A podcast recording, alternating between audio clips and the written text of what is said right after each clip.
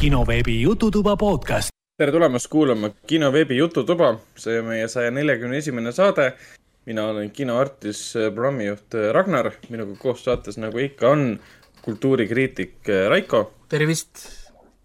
ja Foorum Cinemas programmispetsialist Hendrik. tere, tere, tere! tänases saates, nagu ikka, räägime filmidest, seriaalidest teeme saatejuhtide kuulajamängu, mida seekord viib läbi Hendrik, eelmisel korral viisin läbi siis mina. ja toome teieni siis ka üheksanda, teise hooaja üheksanda siis kuulajamängu vastused ja siis mõtleme, mis me kümnendaga teeme, sest pühad on lähenemas, aastavahetus on lähenemas. erisaated on tulemas. tänane saade on ka mõnes mõttes eriline, sest me saame rääkida, mis tundeid tekitasid meile tekitas meile siis uus ämblikmehe film Spider-man No Way Home või siis ah, ämblikmees Pole koduteed. see oli ikka nii siit film äh,. oli jah, ikka väga halb film ja siis äh,, siis noh, meie kindlasti saates ei spoilerda mitte midagi, mis puudutab seda filmi. välja arvatud siis, äh, narratiivid, näitlejad, sisu ja kõik muud asjad. jah, täpselt nii, täpselt nii aga me teeme ikkagi eri, erisaate, vaatame, kui pikaks see läheb, kus me siis spoilerdame ära kõikvõimalikud asjad, mis seda filmi puudutavad. sest ega sellest filmist ei saagi eriti. ja siis saab Mitte, rentida plot, plot, plot, plot hoolidest. ehk siis äh, Raiko hakkab rentima plot hoolidest äh,. pooled asjad ma ei pannud üldse tähelegi, Raiko hakkas hiljem välja tooma mingid plot hoolid või mingi, aa, okei okay.. ma arvasin, et ma olen tähelepanelik vaataja vot, aga liigumegi edasi. Äh, millega me edasi liigume, meil on kommentaarid. Äh, kommentaarid jäeti meile siis äh, kuulajate mängus, meilile ega mujale kinoveebi kodulehele kommentaare ei olnud, aga Mardu, Mardu soovis, Mardu soovis meile ilusat pühade ja tänud, kirjutas veel niimoodi, et tänud saatejuhtidele iganädalase jutuvada eest. olen teie soovituste tõttu leidnud paljut, mis võib-olla muidu oleks vaatamislistist välja jäänud. Ja, eks me anname endast parima ja ilusat äh, pühadaega ka sulle, Mardu. jah, samad sõnad sulle ka. palju kena, kaunist musi oled. okei okay. um,. Okay. Jago, Jago jättis meile ka väikse minikommentaari, äh, kus ta tõi välja, et ta nõustub väitega, et uued pildid, kaadrid filmidest on lihtsamad kui eelnevad alternatiivsed plakatid, aga võib-olla mitte kõigi jaoks jaa, kindlasti mitte, mitte kõigi jaoks, et üks asi, mis on võib-olla väga lihtne ühe inimese jaoks, on teiste inimeste jaoks ikka väga keeruline. ja seda näitas ka viimane, viimane, viimane siis kuulajate mäng. Raiko on siin seda tõestanud äh, minu ja venna puhul juba aastaid. ei no praegu on see, et ma, mul, mul on nii-öelda nagu mingi märga selline data collection mode. et ma testin erinevaid äh, nagu neid variant, et vaatan, kuidas, kuidas vastused tulevad ja mismoodi see nagu läheb ja, ja mis, mida ma peaksin noh, nagu tegema ja kuidas nagu seda teha. et äh, seekord mul on veel üks huvitav idee, ma tahan teid proovida, vaatan, kuidas inimesed sellele reageerivad, nii et vaadake, vaadake siis seekord seda pildimängu ja vaatame, kui tigedad siis inimesed on äh, järgmisel korral. saab, saab olema põnev, ma loodan, et me uuel aastal vist ei hakka seda äh, mängijat nagu mängu ümber muutma jälle. ei, ma lihtsalt, ei no me ei ole pilti, pildimängu varem tõenäoliselt teinud, ma, ma ei ole mm. kunagi defineerinud, mida see pildimäng nagu tähendab. selles mõttes, et, et ma võin sinna panna mida, mida iganes, mis on seotud filmidega või asjadega no. et see ei pea olema kaader filmist, see võib olla, nagu siin oligi, see poster, see võib olla, olla veel midagi nagu muud, nii et jah, vaatame. jah yeah. ja viimane kommentaar oli Villu poolt. Villu tänas meid ähm, Äh, võidu eest. Äh, Vilu sai vist, sai siis jah, eelmises saates sai Foorumi piletid, kui ma ei eksi. jah ja. um,. kirjutas veel niimoodi. Teie kiitvate ovatsioonide saatel vaatan ka Arkeeni, kuigi pole suurem animatsioonide austaja. ja pean nõustuma kiitusega, et on ikka hea küll ja eriti hea oli soovitus vaadata, vaadata seda nutikellast. Äh, lisan ka pildi tulemust, äh, tulemist, kuna, kuna moodsal ajastul kas pilt võib olla olnud. Äh, varasemalt suutsite mind veenda veel Death Note'i vaatama, kuid see jäi üsna staatilise pildi tõttu kuskil kaheteistkümnenda episoodi paiku soiku oota, kas me, kas me soovitasime vaadata Arkeeni nutikellast või? ei, ma ütlesin, et ära vaata nutikellast ja siis ta lihtsalt Aa, okay. kiusta nii, nii nagu õige eesti mees, sisemine troll läks läks tal sees äh, käima. ja, ja, ja, siis, ja, ja Villu saatis tõesti pildi, kus oli ka eraldi kenasti välja toodud. kõik on õige, kõik on täiesti õige, mina oleks teinud täpselt sedasama kohe, kui keegi ütleb, et tee ühte asja, siis ahah, aju, ma teen risti vastupidist. ei no, see on nagu yeah, vaktsineerimisega, palun vaktsineeri, aju mingi ei. ja no see on ju see jah, et, et minule meeldib see antivaktsirite loogika küll, et meid ei saa manipuleerida, siis on see, et vaktsineerige, meie vaktsineerime, aga seda ma tahtsingi, et sa ju teeks. noh, nagu eks ma pean sulle ainult ütlema ju, et alla see on riiklik käsk või see on seadus, siis sa teed täpselt vastupidist, ehk siis äh, küll on, küll on keeruline sulle käsk anda ju, noh nagu, et et selles mõttes huumor aga äh, sa tahtsid veel midagi või? siit lugeda või me saame minna nüüd mängu juurde? Äh, me lugesime kõik asjad ära, et Death Note'ist on kahju, et ta sul pooleli jäi, kuigi ma pean tunnistama, et ka minul jäi omal ajal Death Note pooleli, aga ainult esimene hooaeg. või oota, mitu hooaega seal üldse oli? Death Note on kaks hooaega, noh, tegelikult oli üks pikk hooaeg ja lihtsalt nad tegid ta kaheks. okei okay, siis ta jäi mul kuskil keskel pooleli siis, kui üks tegelane suri. põhimõtteliselt jaa, sealt, kui sealt pooleli on tegelikult fine. see Emmi ah., Emmi ja Kiira battle pole enam nii põnev. okei okay,, okei okay., siis, ähm, siis jah. okei okay,, need olid kommentaarid. Ähm, saamegi edasi liikuda kuulajamängu juurde. ja selleks ongi siis nüüd äh, kuulajate mängus siis teise hooaja üheksanda episoodi äh, võitja väljakuulutamine ja siis vastuste kinnitamine ja nii, vastused olid siis järgnevad, et meil oli viis, ei, jah, ei, üks, kolm, viis, viis siis lugu ja kolm pilti, jah, okei okay.. ja esimene oli siis Dirty Coins või mis on siis kolmkümmend münti, HBO oma mm, -hmm. mida me eelmise aastavahetusel siin ka kiitsime äh,, mille teine hooaeg on siis tulemas äh,. Brooklyn Nine-Nine oli teine, kolmas oli Dexter äh, või siis Dexter New Blood tegelikult on, vahet ei ole, sest äh, see antud muusika on äh, universaalne. Äh,. neljas on Demon Slayer äh,, Kimetsu no Yaiba, täpsemalt siis Akaza tiim, ehk siis äh, jah, väga hea muusika. Ja ütleme nagu veel täpsemalt, siis tegelikult filmist Mugen Train. Või noh, nüüd on ka siis juba lihtsalt seriaalist äh, teise hooaja siis äh, Mugen Train Arc. ja viies oli Gladiator. Äh, üks äh, rõõmsamaid filme, mis on tehtud, tuntud, tuntud yeah. komöödia, tuntud komöödiafilm äh,, Gladiaator. ja pildid olid siis äh, Juudas äh, ja Must Messiah või Messias äh, Green Knight ja Law and Order SVU. no Law and Order oli kindlasti kerge pilt, sest äh, niivõrd noh, nagu niivõrd äh, kuulus ja nii nagu, ma ei tea, ajastukindel seriaal ja siis inimesed teavad seda ilma vaatamata episoode, et millest noh, kus need pildid on vastu võetud. nii, õigesti vastanud oli meil, kes äh, Elizabetil tänane mäng läks millegipärast nihu, ma vaatan pilte ei saanud siin no, ja ja osad lood lipsasid käest ära äh,. Argo on mängus tagasi lõpuks ilusti, nii et Argole väike mini, mini aplaus naases äh, kuulajate mänguni äh,. tere tulemast, tere tulemast tagasi. et äh, nii, kes meil siis natukene mööda siin pani? Jaagol olid osad valed vastused siin, et natukene läks äh, vastustega nihu.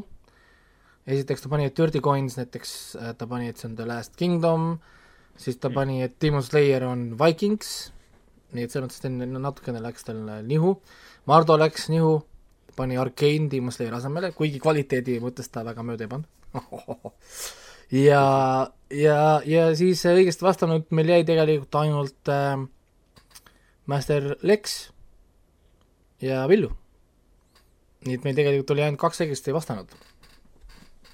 kuid välja, et oli päris keeruline päris keeruline ikkagi. jah yeah,, nii et kuid äh, õnneks või kahjuks täna võita ei saa midagi, vaid ma annan kolmele parimale, kes siis on siis tänase, peale tänast mängu äh, nii-öelda top kolm äh, teile siis äh, K3-e koodid. saate vaadata pool aastat K3-e või rentida filmi asju, mis siis vähendab seda poole aasta seda äh, perioodi nii, aga, aga need ma saadan siis võitjatele nüüd siis pärast, kui ma olen need äh, skoorid sisse löönud. aga mm, -hmm. aga enne tänast mängu top kolm on Master Lex, Marda ja Villu mis tegelikult jääb ka samaks, sest vahe, vahe, vahe on nii suur, siis keegi siia tegelikult siia sekkuda ei saa, ehk siis ongi äh, Lex, Alex, Lex Andreas äh,, Mardo ja Villu saavad siis äh, Go3 koodid endale. Nii et jah, Go3-s on palju stuff'i tegelikult, tasub vaadata, Dexter New Blood on näiteks ka seal olemas. Äh,, nendel on seal terve hunnik para-, Paramount plussi stuff'i, hunnik filme, asju, nii et Go3 tegelikult toob päris ila, head content'i sisse, nii et ei saa tegelikult äh, midagi halba, hal-, halba öelda. Aga lisaks neil on selline sama komme, mis on Telial umbes, et panevad seriaali eraldi üles, kui neil on üks, üks episood mingi keset mingit pikka frantsiisi, siis on nagu nonsense, et ära pane üldse, üldse seda, et lihtsalt ütle, et sul ei ole seda. nii ähm,, äh, aga midagi äh,, järgmine saade, täna on kümnes, ilus number kümme, aga me oleme siis poole peal, pool on läbi siis teisest hooajast täna. nii et pool on veel minna ja, ja loodame, et see om-, omikron meil siin täitsa kõiki asju kinni pane jälle. tundub, et vaikselt võtab võimust, jah. mis me panime heal ajal kinni. no jaa, siis te ei saagi oma Foorumi uksi lahtigi teha, sest kohe tulevad teised kinod järgi. nii et äh, Matrixi kiiresti vaatama, sest pärast ei saa enam. oleme avatud, aa, never mind ja siis, ja siis on omikron. Are you sure about that? me oleme nagu hipsterid, et me olime kinni juba enne seda, kui teie, teie hakkasite ennast kinni. ja, ja, ja, aga noh. olite kinni enne, kui see lahe oli juttu mängides lahe. Nonii, aga täna on siis, äh, vaat, ei kuuleta mäng number kümme. Äh, ja tähtaeg on meil siis kakskümmend neli, mis on tegelikult sitt tähtaeg, kes, kes ikka jõuludeks saadab. kuna me jõuludel saadet ei tee, me jätame see järgmise nädala Äh, saate kõik kuni vahele, siis paneme toorelt tähtajaks kolmkümmend üks detsember. saate nüüd pikalt ja, äh, kaks nädalat äh, ei taha jah, teid jõulude ajal siin tülitada. saate rahulikult kaks nädalat nüüd mõelda, oota, aga tegelikult, hea, et ma praegu seda märkasin, kuna meil on kaks nädalat aega, siis ma panen siia juurde teile paar tükki, mis ma tegelikult mõtlesin, et ma ei pane aga sniki, sniki. meil on kaks no, nädalat äh, aega, siis ma panen siit äh, üks, ma kohe võtan siit, mis ma tahtsin panna, need siit. ja panen need, need ka teile juurde siia. rohkem aega mõelda. Ja see tähendab seda, et, et nüüd võiks olla kõik õiged vastused ka ju, onju. mis tähendab seda, et ma, et ongi hea aeg teid piltidega pitsitada ka natukene. parasjagu Äh, parasjagu aeg piltidega ka pitsitada. nojah, Raiko on nagu krampus, et muidu ikka tuuakse kingitusi ja asjad lähevad lihtsamaks, siis Raiko mingi, aa, ma hakkan nüüd pitsitama mm.. Nonii äh,, aga midagi äh,, nüüd saame hakata pihta. Ja number üks tuleb äh, nüüd, peaks, see peaks olema päris tuntud äh, väga lihtsal põhjusel, sest see on sõnadega laul, nii et äh...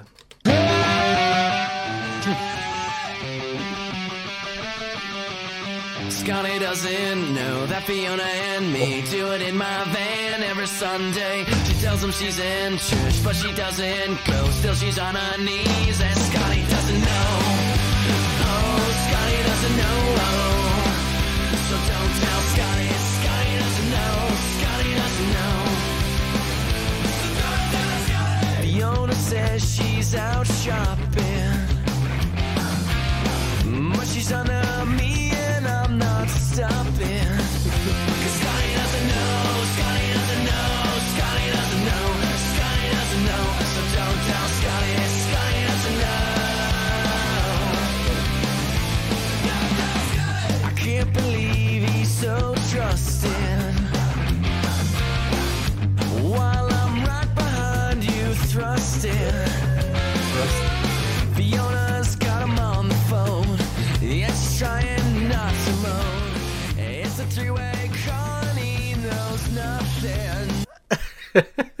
on ikka sõnad? on ikka It's a three-way call and he knows nothing väga peenekoelised sõnad tegelikult, peaks ütlema. Yeah, and I m not stopping ei, see oli, see oli, see oli, see oli hea. see on äh, legend, legendaarne. jah, see oli number üks, väga tuntud-tuntud film uh,. number kaks tuleb nüüd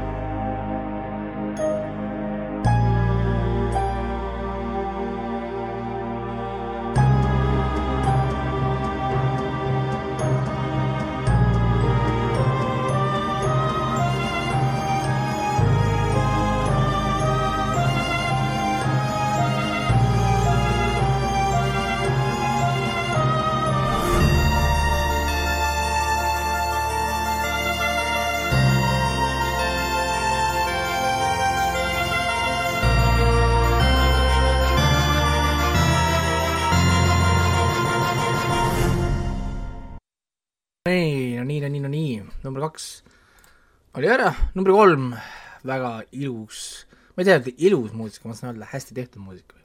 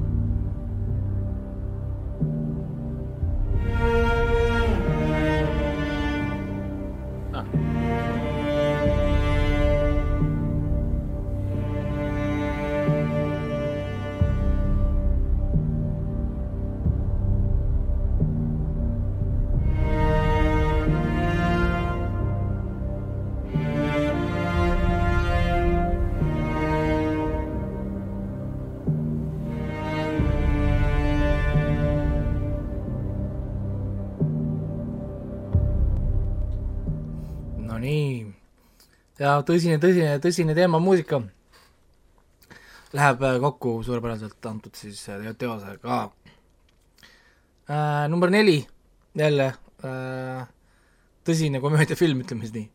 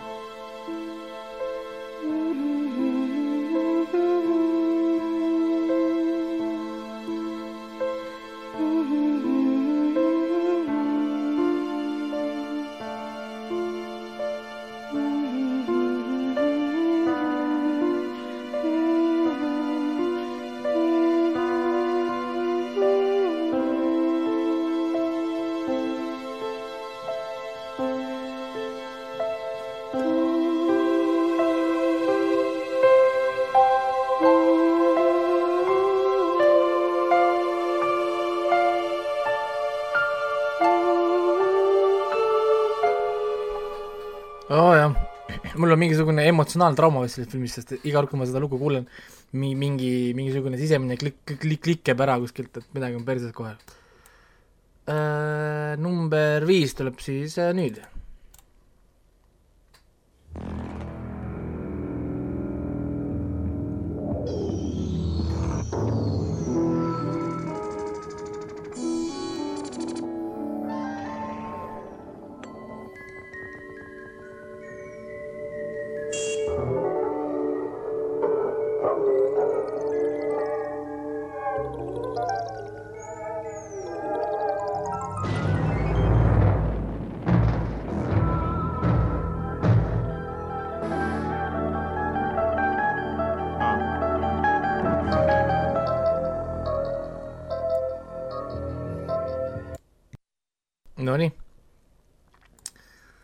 see oli päris äh, tuntud, päris tuntud. number kuus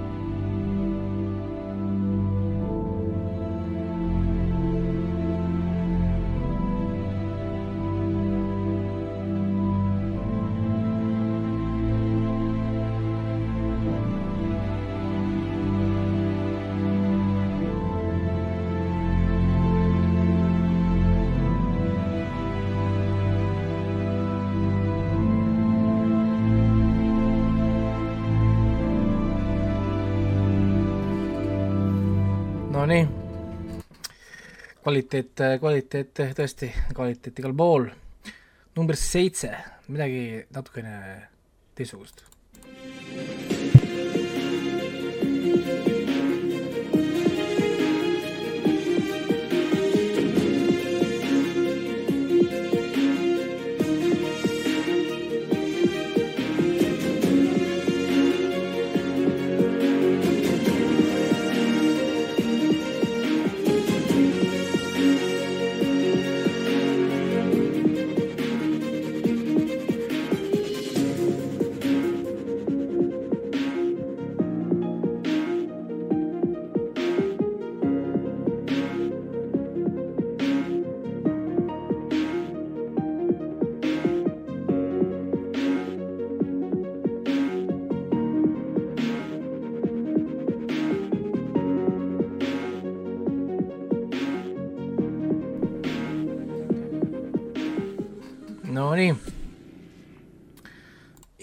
üks on veel, number üks äh,, number üks, number kaheksas, ehk siis äh, üks on jäänud, kaheksas ja viimane täna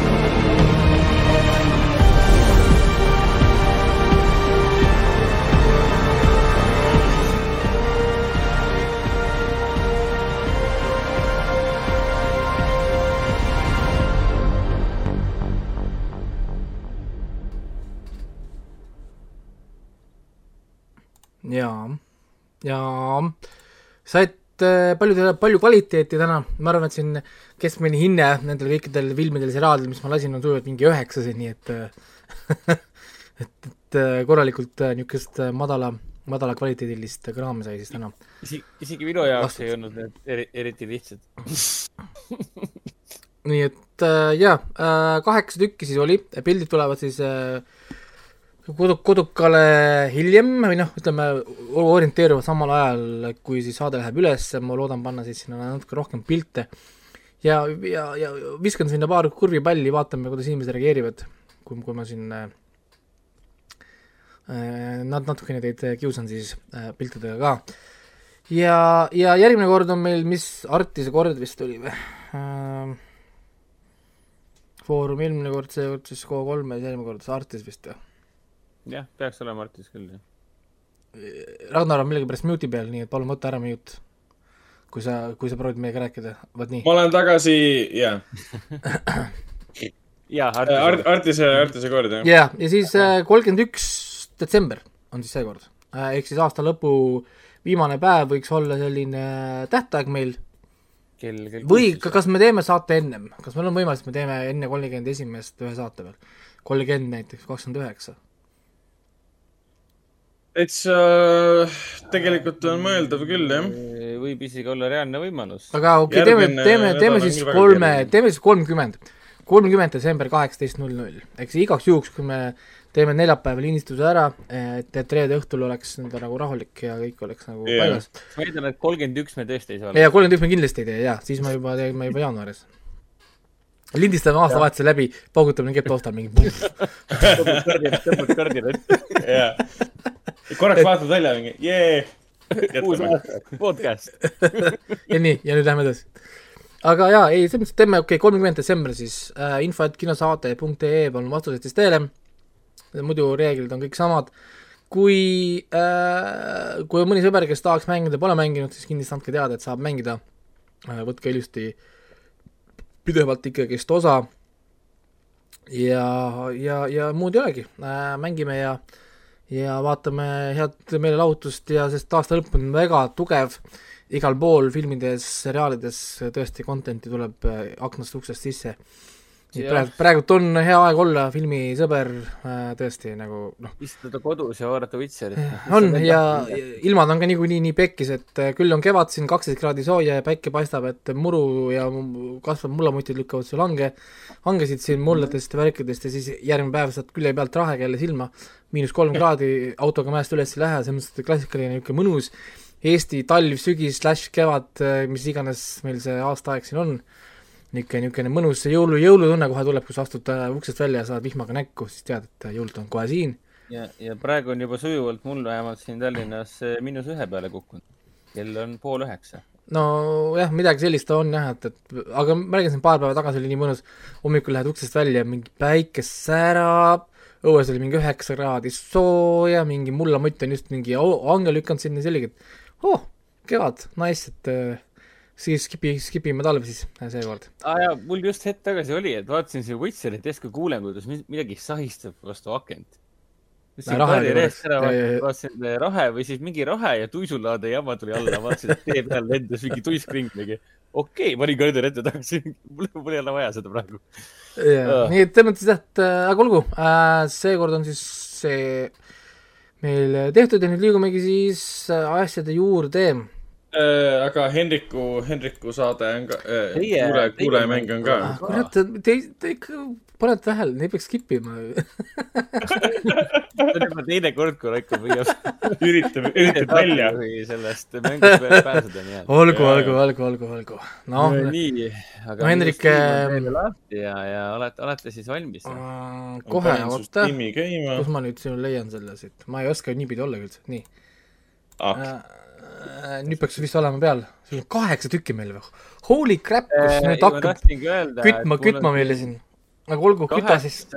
kaheksa heli, millest üks on klippi ja üks on boonus, nii et ma arvestasin boonuse ja klipi välja. nii, aga alustame siis kohe peale oh., pange minu stream siis valjemaks ka, kui on võimalus ja vajalik ja esimene läheb peale. kirjutame chati, jah? Te kirjutage mulle chati jah, kirjutage okay. mulle chati, et ärme karjumusega tehke, et. oota, oota, oota, oota, oota, oota, oota, ma võtan, oota, oota. Kus sa oled siin, nii, leidsin. no davai. olete valmis? jah. esimene läheb peale nüüd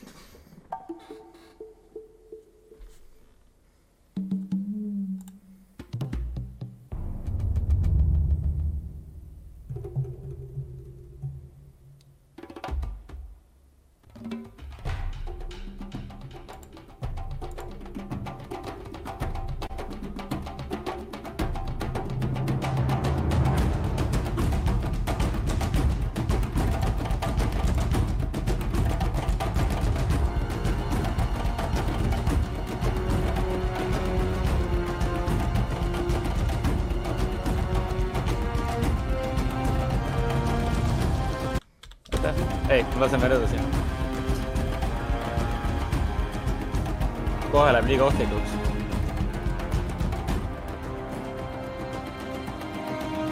nii, rohkem ei saa lasta, siis hakatakse laulma.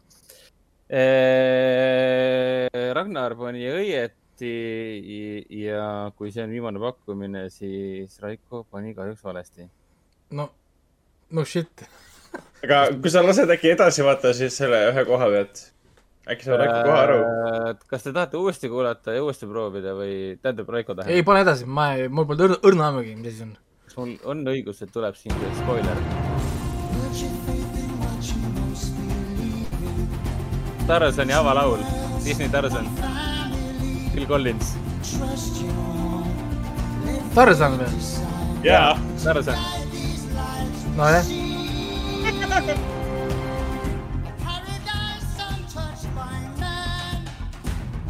nii hea lihtsalt, pisarad tulevad silma. igatahes. see oli tõenäoliselt üks kõige lihtsam, mis ma siia panin. No, tegelikult ei olnud, et kui sa ainult alguse osa paned, see on, läheb nii keerukaks. aga ma ei saa Phil Collinsit lasta laulma.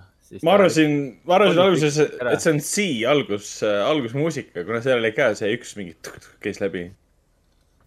tegelikult see on nii, teised, siin on paar tükki veel, mis on üsna normaalsed igatahes okay. lähme. nii sa väidad, nii sa väidad, nii. Ragnar tegi sama asja. no kohe läheb lihtsamaks ja siis mõlemad mingi kuradi kartulisuus nagu Tom Hollandil äh,. mitte kartul, vaid see äh,. konn äh,. nii ja teine võib olla pähkel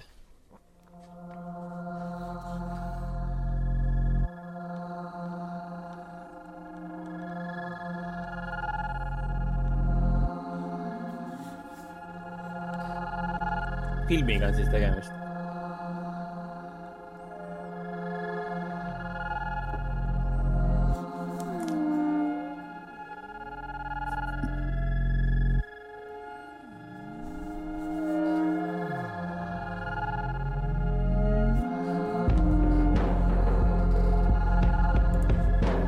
Ma tean seda ju.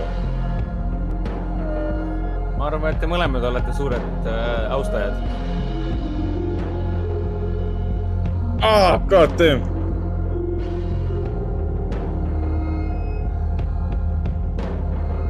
see on äh, selle sajandi film.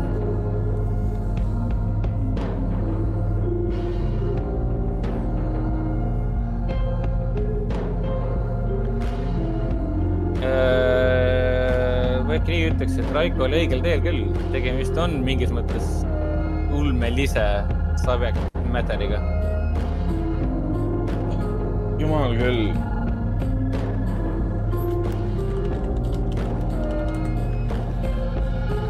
oota, film või? see on film, jah. selle, selle soundtrack'i looja on üks tüüp, kes teeb tavaliselt ühe teise tüübiga oma kõige kuulsamaid äh, muusikalisi soundtrack'e.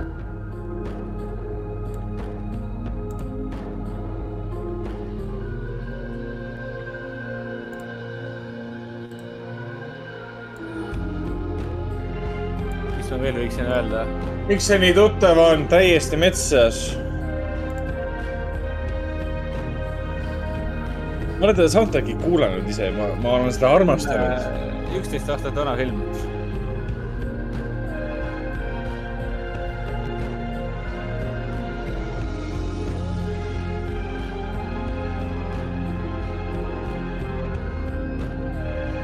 see on mingi lõpumuusika või?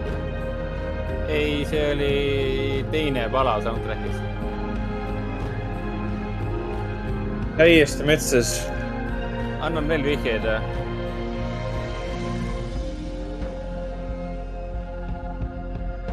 ma ei tea. issand, ma tean seda, aga ma, ma ei, ma ei oska seda sõnastada. Uh, see, kurat, see on äkki ütleb liiga palju. Vahet ei ole, see on üsna keeruline, niikuinii saate null koma viis punkti. no vaata, vaata ka, ma pak- pakun sulle ka vahepeal. ei, see ei ole see uh,. see on post-apo film. no e- eks kõik asjad, kõik asjad, mis ma pakun, on si- siiamaani sobivad. no see on üks teine post-apo film, see, mis on ja, ja, ja. korralik mood piece, ma arvan, et Raigo, sul peaks tulema küll tegelikult ära.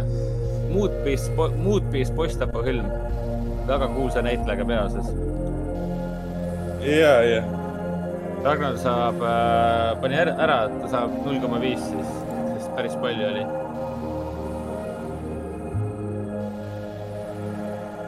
et selle filmi üks äravaid momente lisaks operaatori tööle ja näitleja tööle ja üleüldisele rusuvale visuaalile oli ka soundtrack.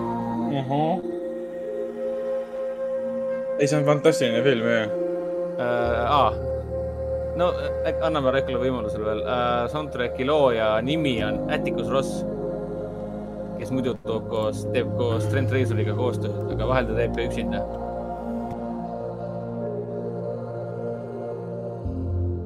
nii, kohe saab lugu läbi. issand, mis ma pean 26, sekundit mis on variandid? mis te ütlesite, üksteist, üksteist, üksteist aastat vana film, jah, kaks tuhat kümme aasta film. sci-fi suur, Poiss Tapo, Atticus Ross. aa, sa juba guugeldad või? ei ma ei guugelda, ma, ma mõtlen ei, see on okei okay,, me kõik guugeldame. kaks tuhat kümme, kaks tuhat üksteist aasta kurat, see ei ole nii film. Oot-oot-oot-oot. Äh, ma pakkusin sulle siin mõned variandid, aga need ei olnud. äh, Blade Runner, Cloud Atlas ja Tron Legacy tulid variantideks, mis on kõik väga head variandid. huvitav, mis on kaks tuhat kümme aasta, ma mõtlen tollel ajal, mis olid veel suured äh, sci-fi omad, no meil oli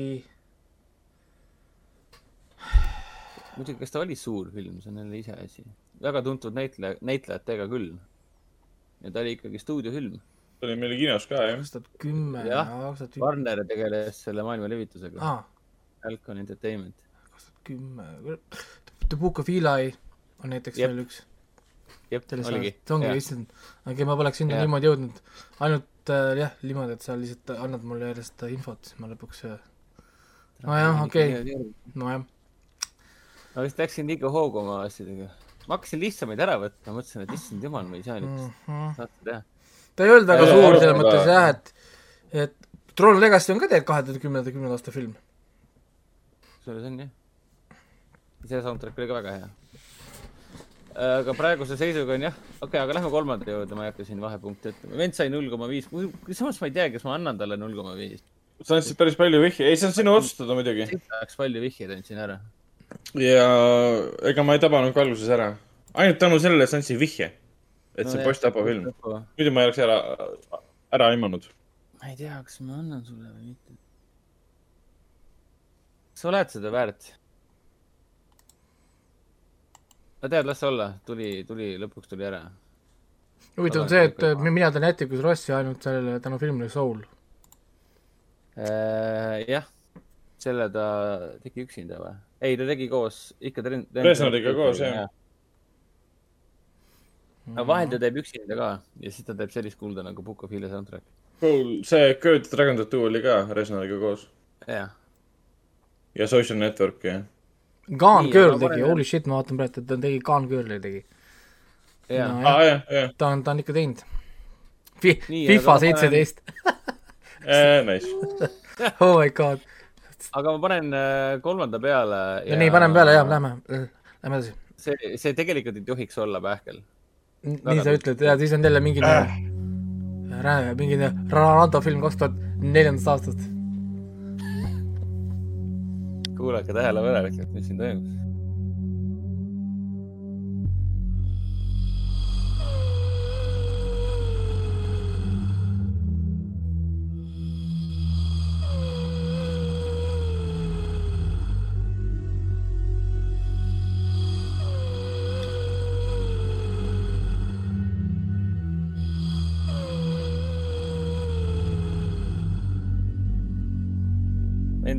mööda.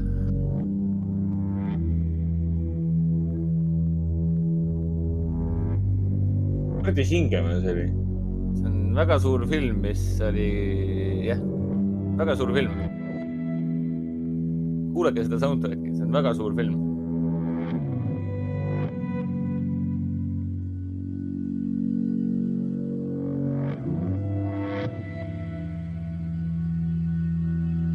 Iga kuradi sama, lugu, mis ta paneb, on minu arust Blade Runner siiamaani olnud. iga, iga kuradi lugu on, läks nagu Blade Runnerist.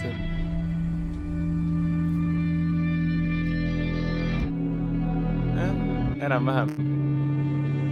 noh, ei tule midagi.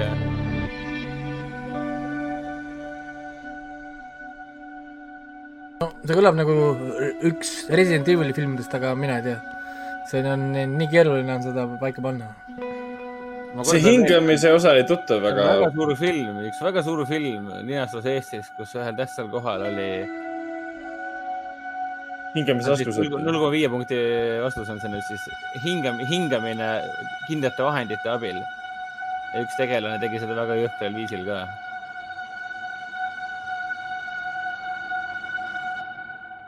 kas siit tuleb midagi. oota, mis asja? Hingamine läbi maskide või? jah. sa pidid seal filmis, kui sa läksid seal filmis midagi tegema, sa pidid äh, endale hingamisaparaadid kaasa võtma. aa, Tenet või? okei, ära. jaa, Tenet jah. siis Raiko saab punkti siit, mina, ja, ja, ja. issand, seda ma äh, küll ei tunneks ära. ma pole niimoodi, ma pole isegi niimoodi vist Teneti soundtrack'i kuulanud kusjuures. Ma olen ikka palju kuulanud ja. kui sa oleksid pannud selle Rainy Day in Tallinn, siis ma oleksin kohe aru ma ei saanud. oleks saanud seda võtta, sest see on liiga, liiga levinud ja tuntud. aga nüüd ma oleks aru saanud võib-olla. ma andsin Raikole Ei. ühe, ühe punkti tegelikult, sest ma saan aru, et ma olen teinud siin liiga keerulise töö ei, see, vaata, see, seda on, seda on alati keeruline võtta, mis on keeruline, mis ei ole, sest noh, noh, minu jaoks on mingid anime asjad on nii obvious, aga, aga mitte keegi tegelikult ei tea neid, sest ma räägin, see on, see on nii keeruline võtta, mida keegi ei vaata, mis kellelegi meelde, meelde on jäänud. see on see Teneti pala sealt, Red Room, Blue Room. ja see hingamine tuleb nüüd meelde. Satori tegelane hingeldas seal ja kuradi hoidis oma naist pantvangis. hästi jõhker soundtrack oli seal see. käis selle kohe taustaks. Nonii uh,. okei okay,, praegune seis on siis üks koma viis versus üks issand jumal, sa valid maailma kõige tuntuma filmi ja soundtrack'i ja keegi ei saa aru, millega tegemist on. see on nii äge ikka ei no see on jah, klassik. ei no ma ei tea. Aga, aga neljas peaks olema küll niimoodi, et. no ära hakka, ära üldse peaks olema, see, see lihtsalt, pane lihtsalt peale kui see ei ole mingi Jurassic Park, siis nii.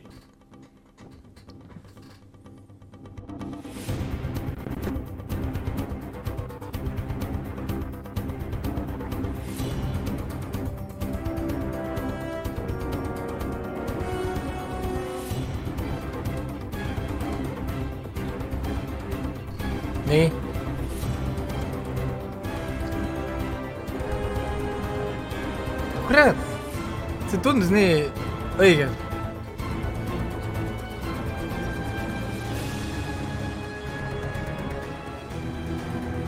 see peaks, sa peaksid ära tundma küll selle.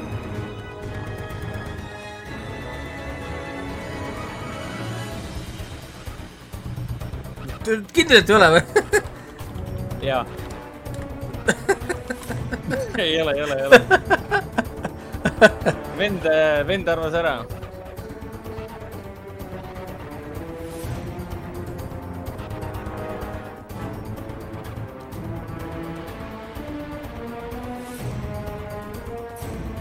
Ei tea, mulle meenutab ainult seda kuradi, põhimõtteliselt ma pakkusin äh, Predatori pakkusin. sest on kogu aeg see tu-tu-tu-tu-tu-tu, tu-tu-tu-tu-tu. teeme niimoodi, et kuule nüüd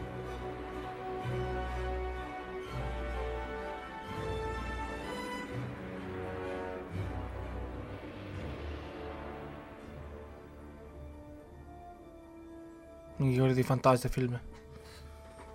et ma valisin meelega. Pirates of the Caribbean.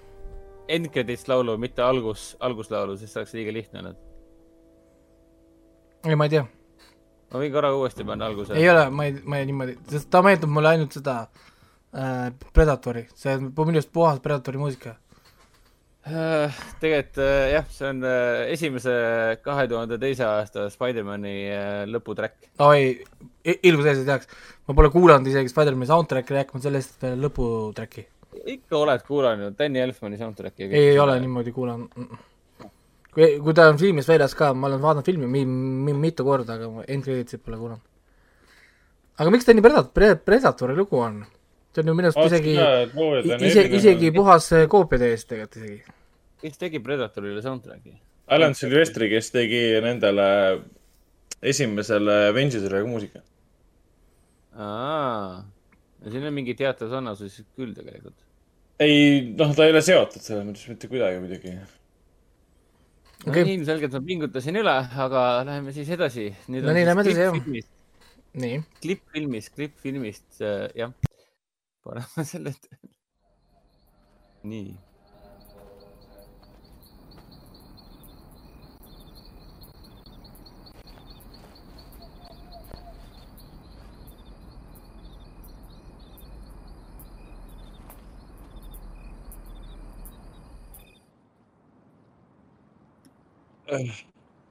Kuulake, kuulake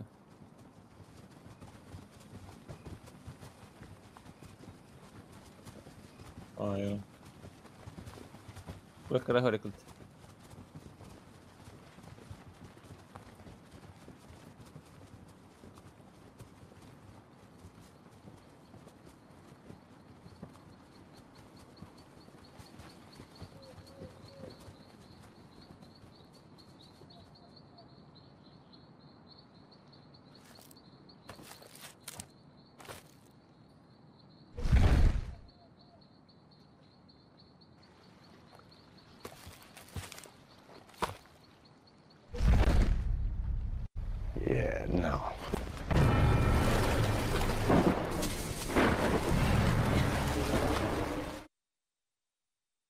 no nii mis seal, pane see lõpuosa uuesti, mis seal toimus?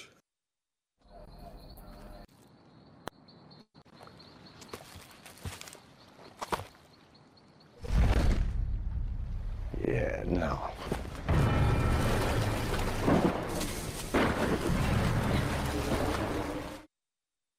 uh...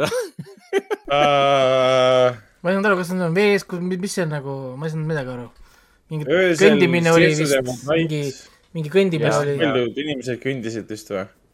lambad või mingid loomad. vesi, mingi tüüp näeb mingit kolli ja ütleb jee Oota. nõu selle peale. kuulake seda kohta uuesti, kui ta, nii, keegi jookseb või?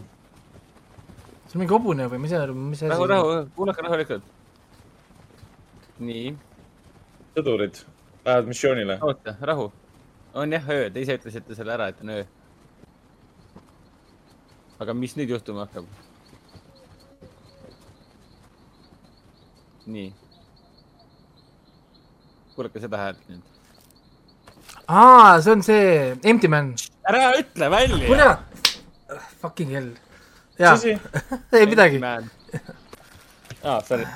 jah, õige jaa, Empty man. Jaa Empty Man jah. see on see tseen, kus ta need seal silla peal näevad teda ja siis jäävad seisma, vaatavad talle otsa, siis nad hakkavad talle järgi jooksma. ja see on Empty Man. kurat küll.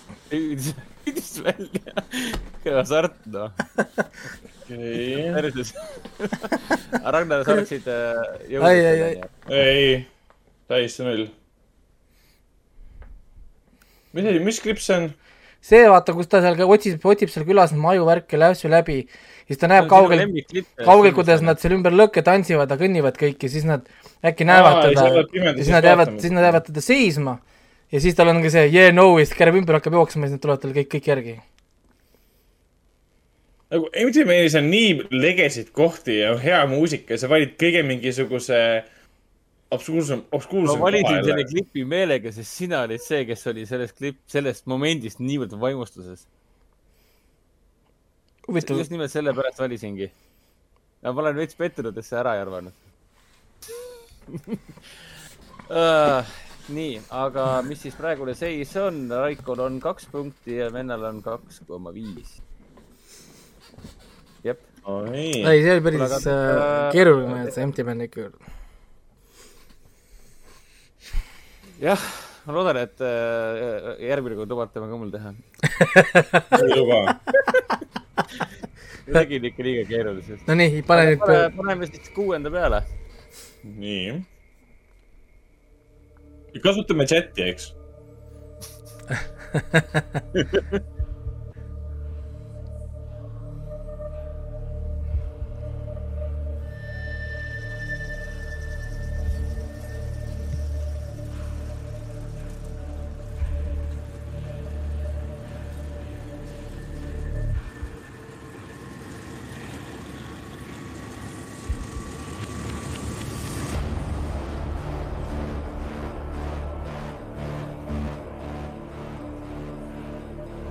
oleks jah tore, kui see paneks igat muusikat äh, Blade Runnerisse.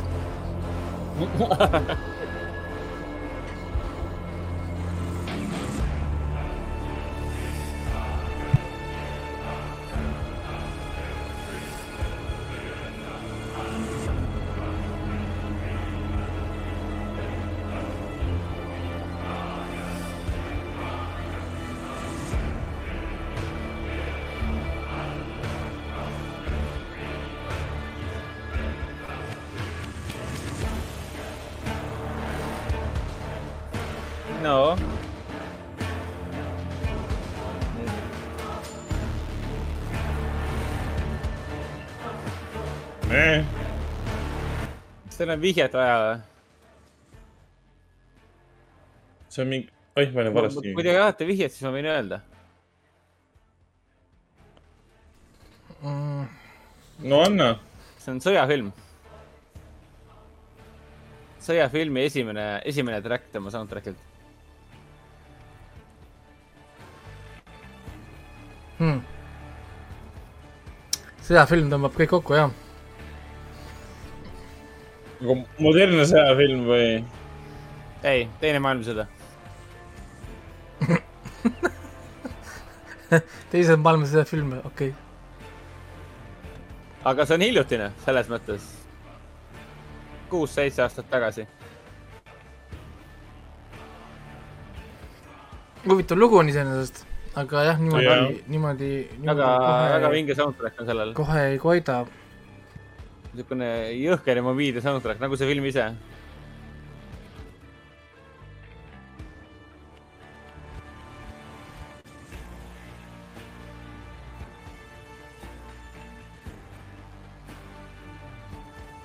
see, mis ma veel võiksin öelda? ei ole Hacksaw Ridge.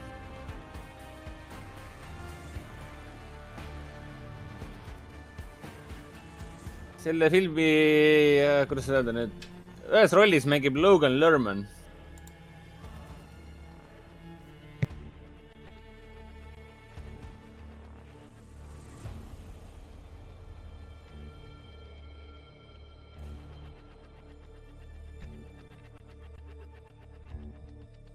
ja ühe tegelase nimi on War Daddy. peategelase nimi on War Daddy. Issand, issand, ma isegi ei tea seda, kas ma olen seda filmis näinud, huvitav, ma hakkasin praegu mõtlema, et mis ta võib ah, olla? okei okay,, see Logan ja War Daddy andis mulle vist ära selle. jah, vend sai õige yeah. null koma viie said hmm ja siin mängib ka Joe Bental.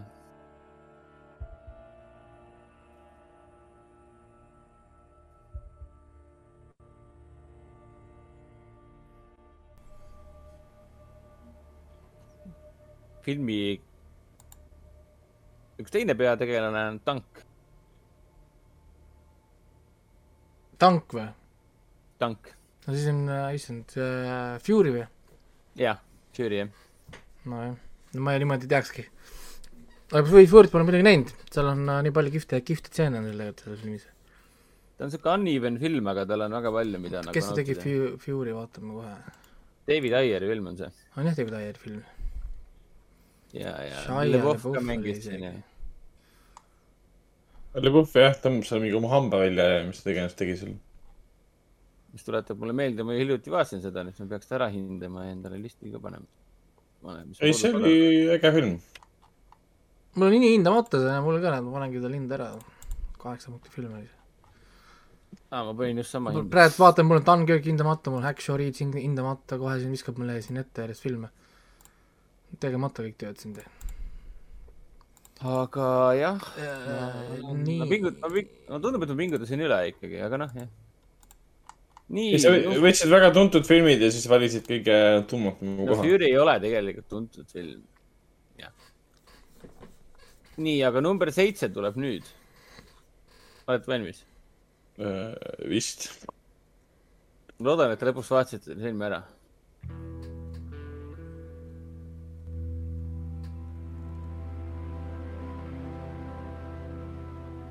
See algab nagu The Last of Us'i soundtrack mm.. veits jah. see on siis selle aasta film. see ei ole lihtsalt see, see ei ole nagu äh, vihje. lihtsalt tahtsin öelda. see ei röövi teilt punkti, poolt punkti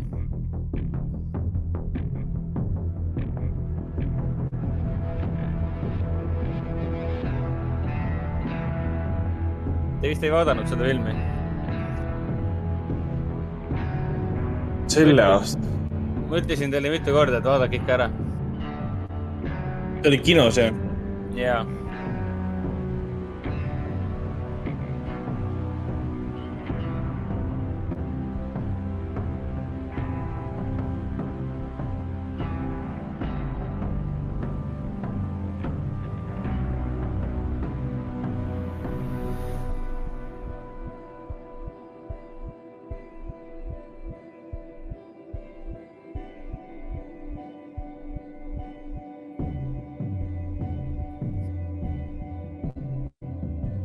mitte ühtegi pakkumist ei tule. selle filmi esimene track siis. see on mingi action film või? jah, action film, ulmefilm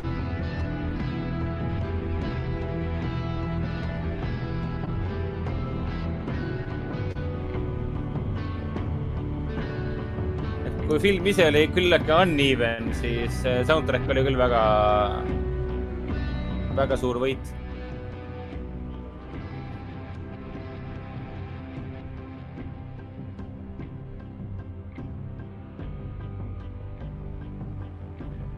täiesti null on. üritan nagu mõelda, mis ta, mis ta võiks nagu, nagu mulle äh, ei tõmba nagu ühtegi asja mul pähe. Ja selle soundtrack'i looja nimi on äh, Ramin Djawadi ehk siis troonide mängu soundtrack'i looja. okei okay.. kas see aasta on mingi ulmefilm välja tulnud või? okei okay ma olen see aasta ulmet üldse vaadanud. jah, sa oled Marvelit kinos ka käinud vaatamas ju. ja, Marvel on see, mida ma mõtlen ulme all oh!. Ma ei tea, pakun lampi ühte, ühte filmi praegu. ei ole Underwater. huvitav. see on see aasta. kas Underwater oli selle aasta film või? ei olnud vist. ei no ma ei, ma ei nagu ka niimoodi ei tea, ei no mina arvan, et kui sa räägid filmist, mida ma pole siiamaani vaadanud, see on selle aasta film ah,, siis sa tõenäoliselt räägid sellest Reminiscence'ist. jah. aga, aga, aga, aga, aga ma räägin, et lihtsalt muusika järgi mul täiesti null asjad, ma pole näinud seda filmi ka kahju, sest äh, nagu ta, ma ei tea, kas selle soundtrack meeldis või iseenesest, aga noh, ma olen seda ise nüüd iseseisvalt niisama kuulanud ja täitsa nauditav. ma tean, ma tahtsin mitu korda vaadata, aga, aga ma räägin, et sõps, ühe korra ma hakkasin vaatama, sõber ütles ka, et vaata ära, niisugune juust. Ja meil on sarnane maitse, siis, siis kuidagi. ta on juust, aga ta on, ta on niisugune nauditav juust, et tal on nii palju potentsiaali. ma tahan vaadata seda, sest ta on ilus, mulle meeldib selline sci-fi ja, ja noh, nii palju asju, aga ongi seesama, et kui nad kohe ei tõmba nüüd, vaata, see esimene tõmme jäi nagu puudu siis, siis niisugused filmid kipuvad lihtsalt nagu ära jääma lihtsalt. oota, me vaatasime Underwaterit äh, eelmise aasta jaanuaris. Underwater oli enne seda, kui mina jah liitusin podcast'iga. Mis asja, päriselt või? Underwater tuli välja kakskümmend neli jaanuar kaks tuhat kakskümmend. miks mul on siuke tunne, et ma nägin seda selle aasta alguses? okei okay.. aeg, see ei oota kedagi olgu, kohe lõpetame siis teie kiusamise ära. Raiko sai null koma viis punkti kirja, Ragnar jäi äh, tühjade kätega. ja viimane on siis äh, boonus. okei okay.. naerab juba, okei okay.. tuntud sellest. see on äh, väga, väga tuntud filmi soundtrack'i osa, mida tavaliselt ei kiputa kuulama sellega, selle filmiga seoses, aga ma loodan, et te tunnete ära, sest see on sitaks tuntud film suss. Ah, see on küll suss. oota, oota, ma panin uuesti. nii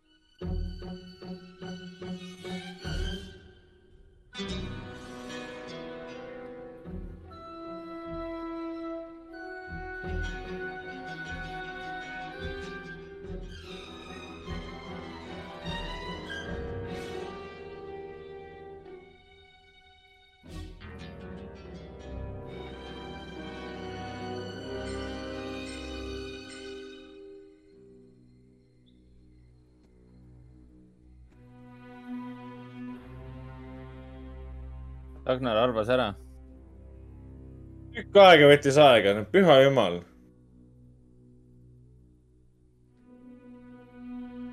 Mul aitas kaasa, et ma olen seda äh, filmi elu jooksul näinud ütleme nii okei, ma oleks ise praegu vihje andnud.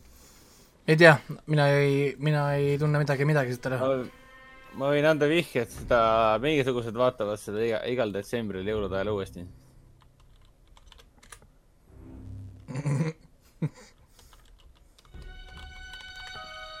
ei, jaa, jaa, nii on. Tuleb jah meelde. mõlemad, mõlemad panid õige vastuse, jah, tegemist on, äh, tegemist on Die Hardi soundtrack'iga. ja selle soundtrack'i, track'i nimi on John's Escape. uh, You want money. huvitav, et täiesti tundmatu tund-, tundmatu koht või noh, nagu tundmatu ja see on selle Michael Kameni soundtrack ja see on tegelikult, noh, tegelikult on alateadvusse tunginud see lugu. see on see osa, kus ta põgeneb ja peidab ennast. ja kui sa niimoodi Jaa, mainid, siis ma selles mõttes jaa, ma niimoodi, kui sa nagu, eriti kui panna see algusosa, vaata see, jaa, mis iganes see on siin, mingi tšello või. ja ei, kui sa niimoodi ütled ja ma tean nüüd konkreetselt, kus filmis see on, siis sa siis suudab ette kujutada küll seda stseeni, kus, kuidas ja mis seal toimub nagu. aga, aga esimene, esi-, esimesel pilgul jah, tõmbas hoopis mingi Bondi filmide poole millegipärast. aa, veits on küll, jah.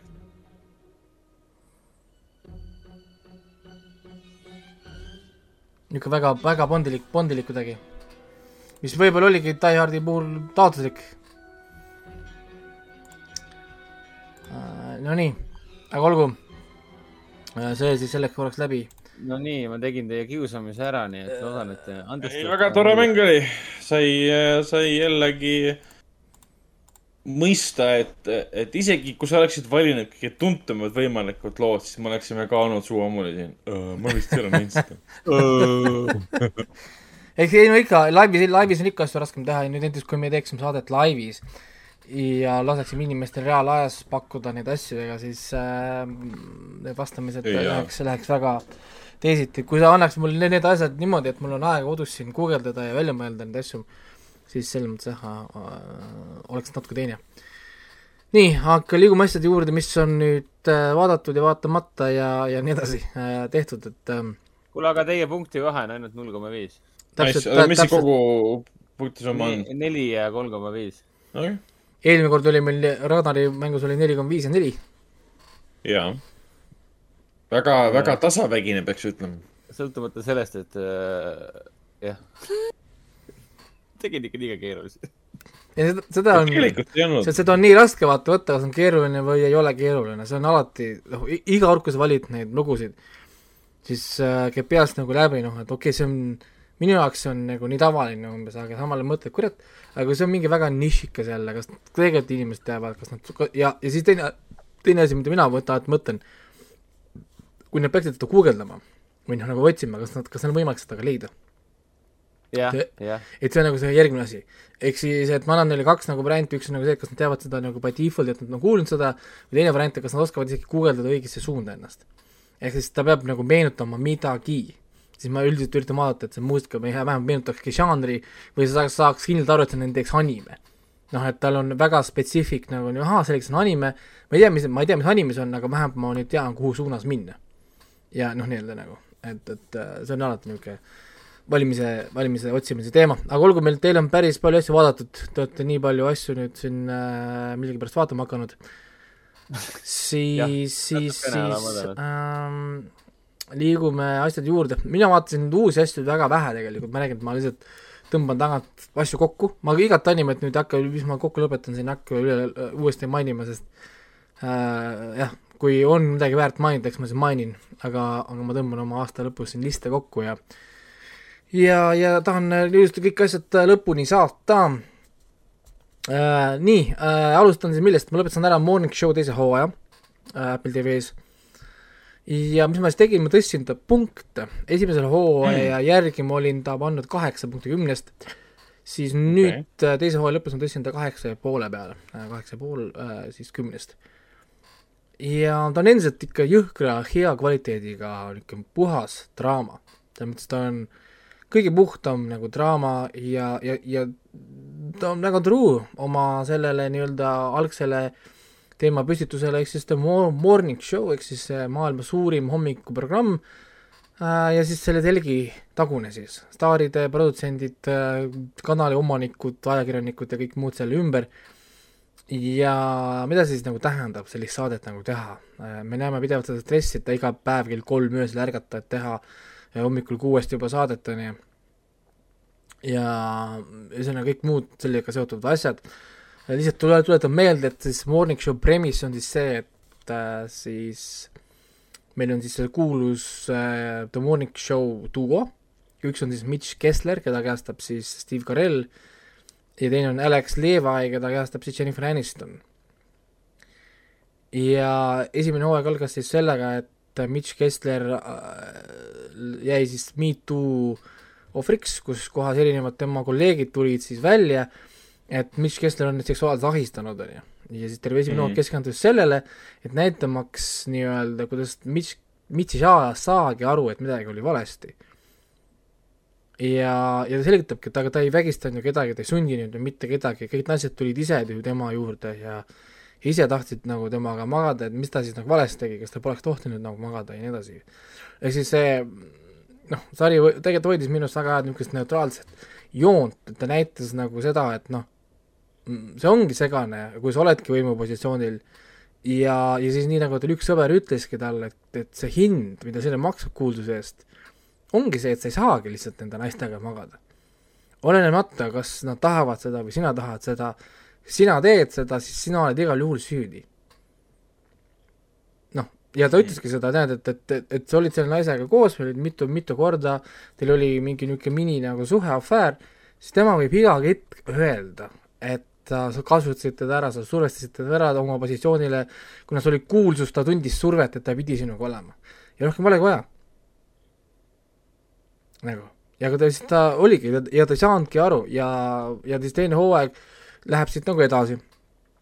noh, nagu siin no, muidugi siin on nii, nii palju karaktereid, nii palju karakterite daamasid, erinevad uued ankrud, erinevad ankrud seal äh,, siin on hästi palju teemasid, risti hästi teemasid, omanike probleemid, Me Too ründab mitte ainult ühtegi, vaid ka teisi äh,, asju, siin on see teema, et see tema see partner Alex Levi teadis, nüüd siin teisel hooajal on suur teemaks siis see raamat, mis paljastab, et Mitch Kessler ja Alex olid ka tegelikult omavahel suhtes, Alex teadis kogu sellest seksuaalsest teemast, siis üks, üks äh, tema ohvritest teeb enesetapu, Mitch Kessler siis paneb Am Ameerikast Itaaliasse pagendusse nii-öelda, ta on nagu cancel datud nüüd, siis koroona tuleb, Covid tuleb äh,, Mitch leiab omale uue, uue naise siis sealt Itaaliast, kellega nad hakkavad tegema dokumentaalfilmi koos, leiab omale oma, oma, omas hoopis uue hingamise, leiab selle aiaga ajakirjandusliku huvi, mis tal alguses oli, mis tal tegelikult oli meelest läinud juba, kui ta oma, noh, oli teinud aastaid seda morning show'd, ta oli kuuldusena nagu ära harjunud, ta oli ära unustanud tegelikult, miks ta üldse hakkas tegema ajakirjandust nagu, nii-öelda noh, nagu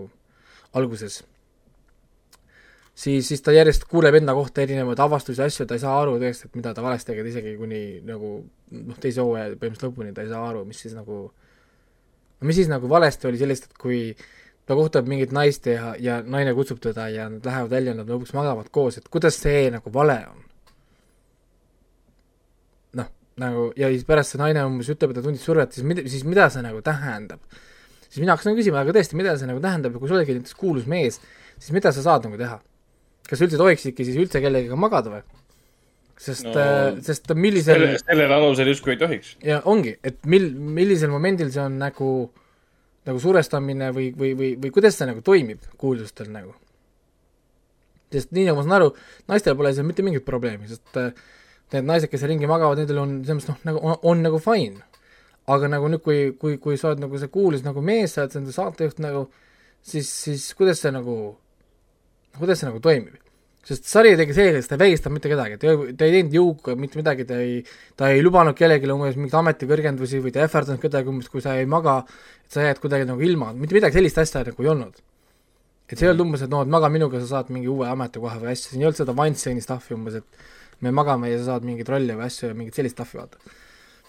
aga, aga nagu nii, nagu siin teiste nagu jutust nagu tuli nagu välja, siis oli umbes nagu see, et noh, et kui Mitch Kessler, umbes kui see Mitch Kessler kustub sind nagu välja kohvile, sa pead minema umbes.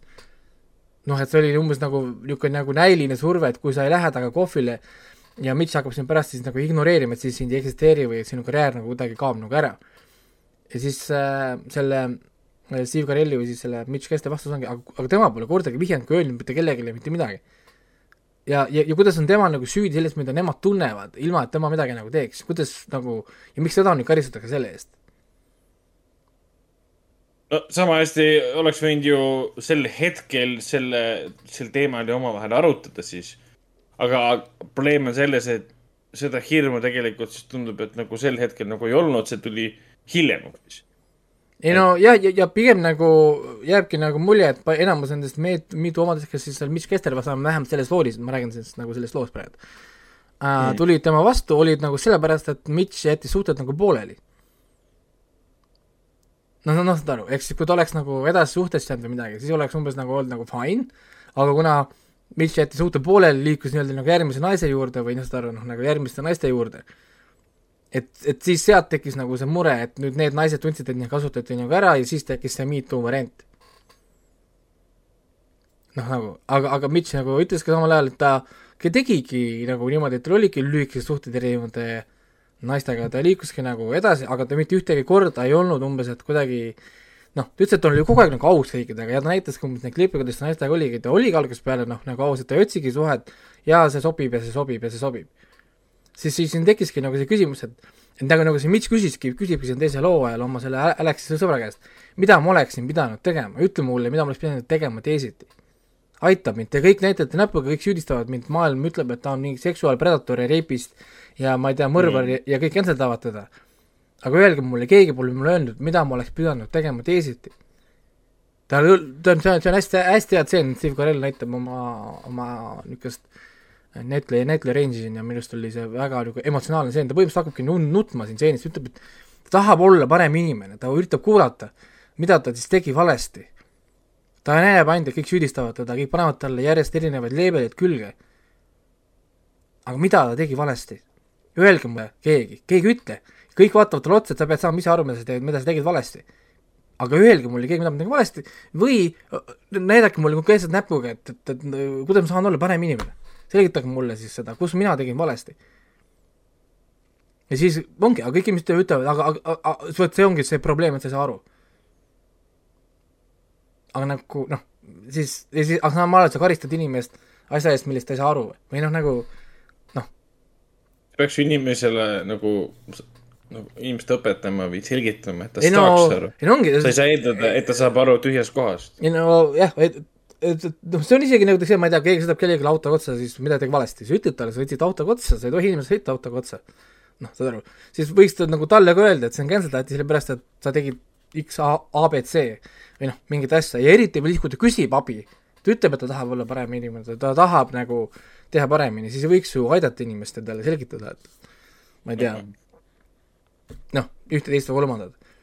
aga nagu probleem tundus, tunduski olevat noh, nagu selles, et äh, Mitch ümber teised inimesed rohkem nagu äh, patsisid seda nagu kinni, näiteks siin oli nagu näide, et kui üks naine oli nagu äh, sattus emotsionaalsesse, ma ei tea, langusesse pärast seda, kui ta Mitchiga koos oli, siis selle jaoks, et äh, nii-öelda kanalis töö edasi läheks, siis üks ülemustest andis sellele naisele kiiresti lihtsalt äh, ametikõrgendust, et lihtsalt unustada see Mitch ära ja mine nagu edasi.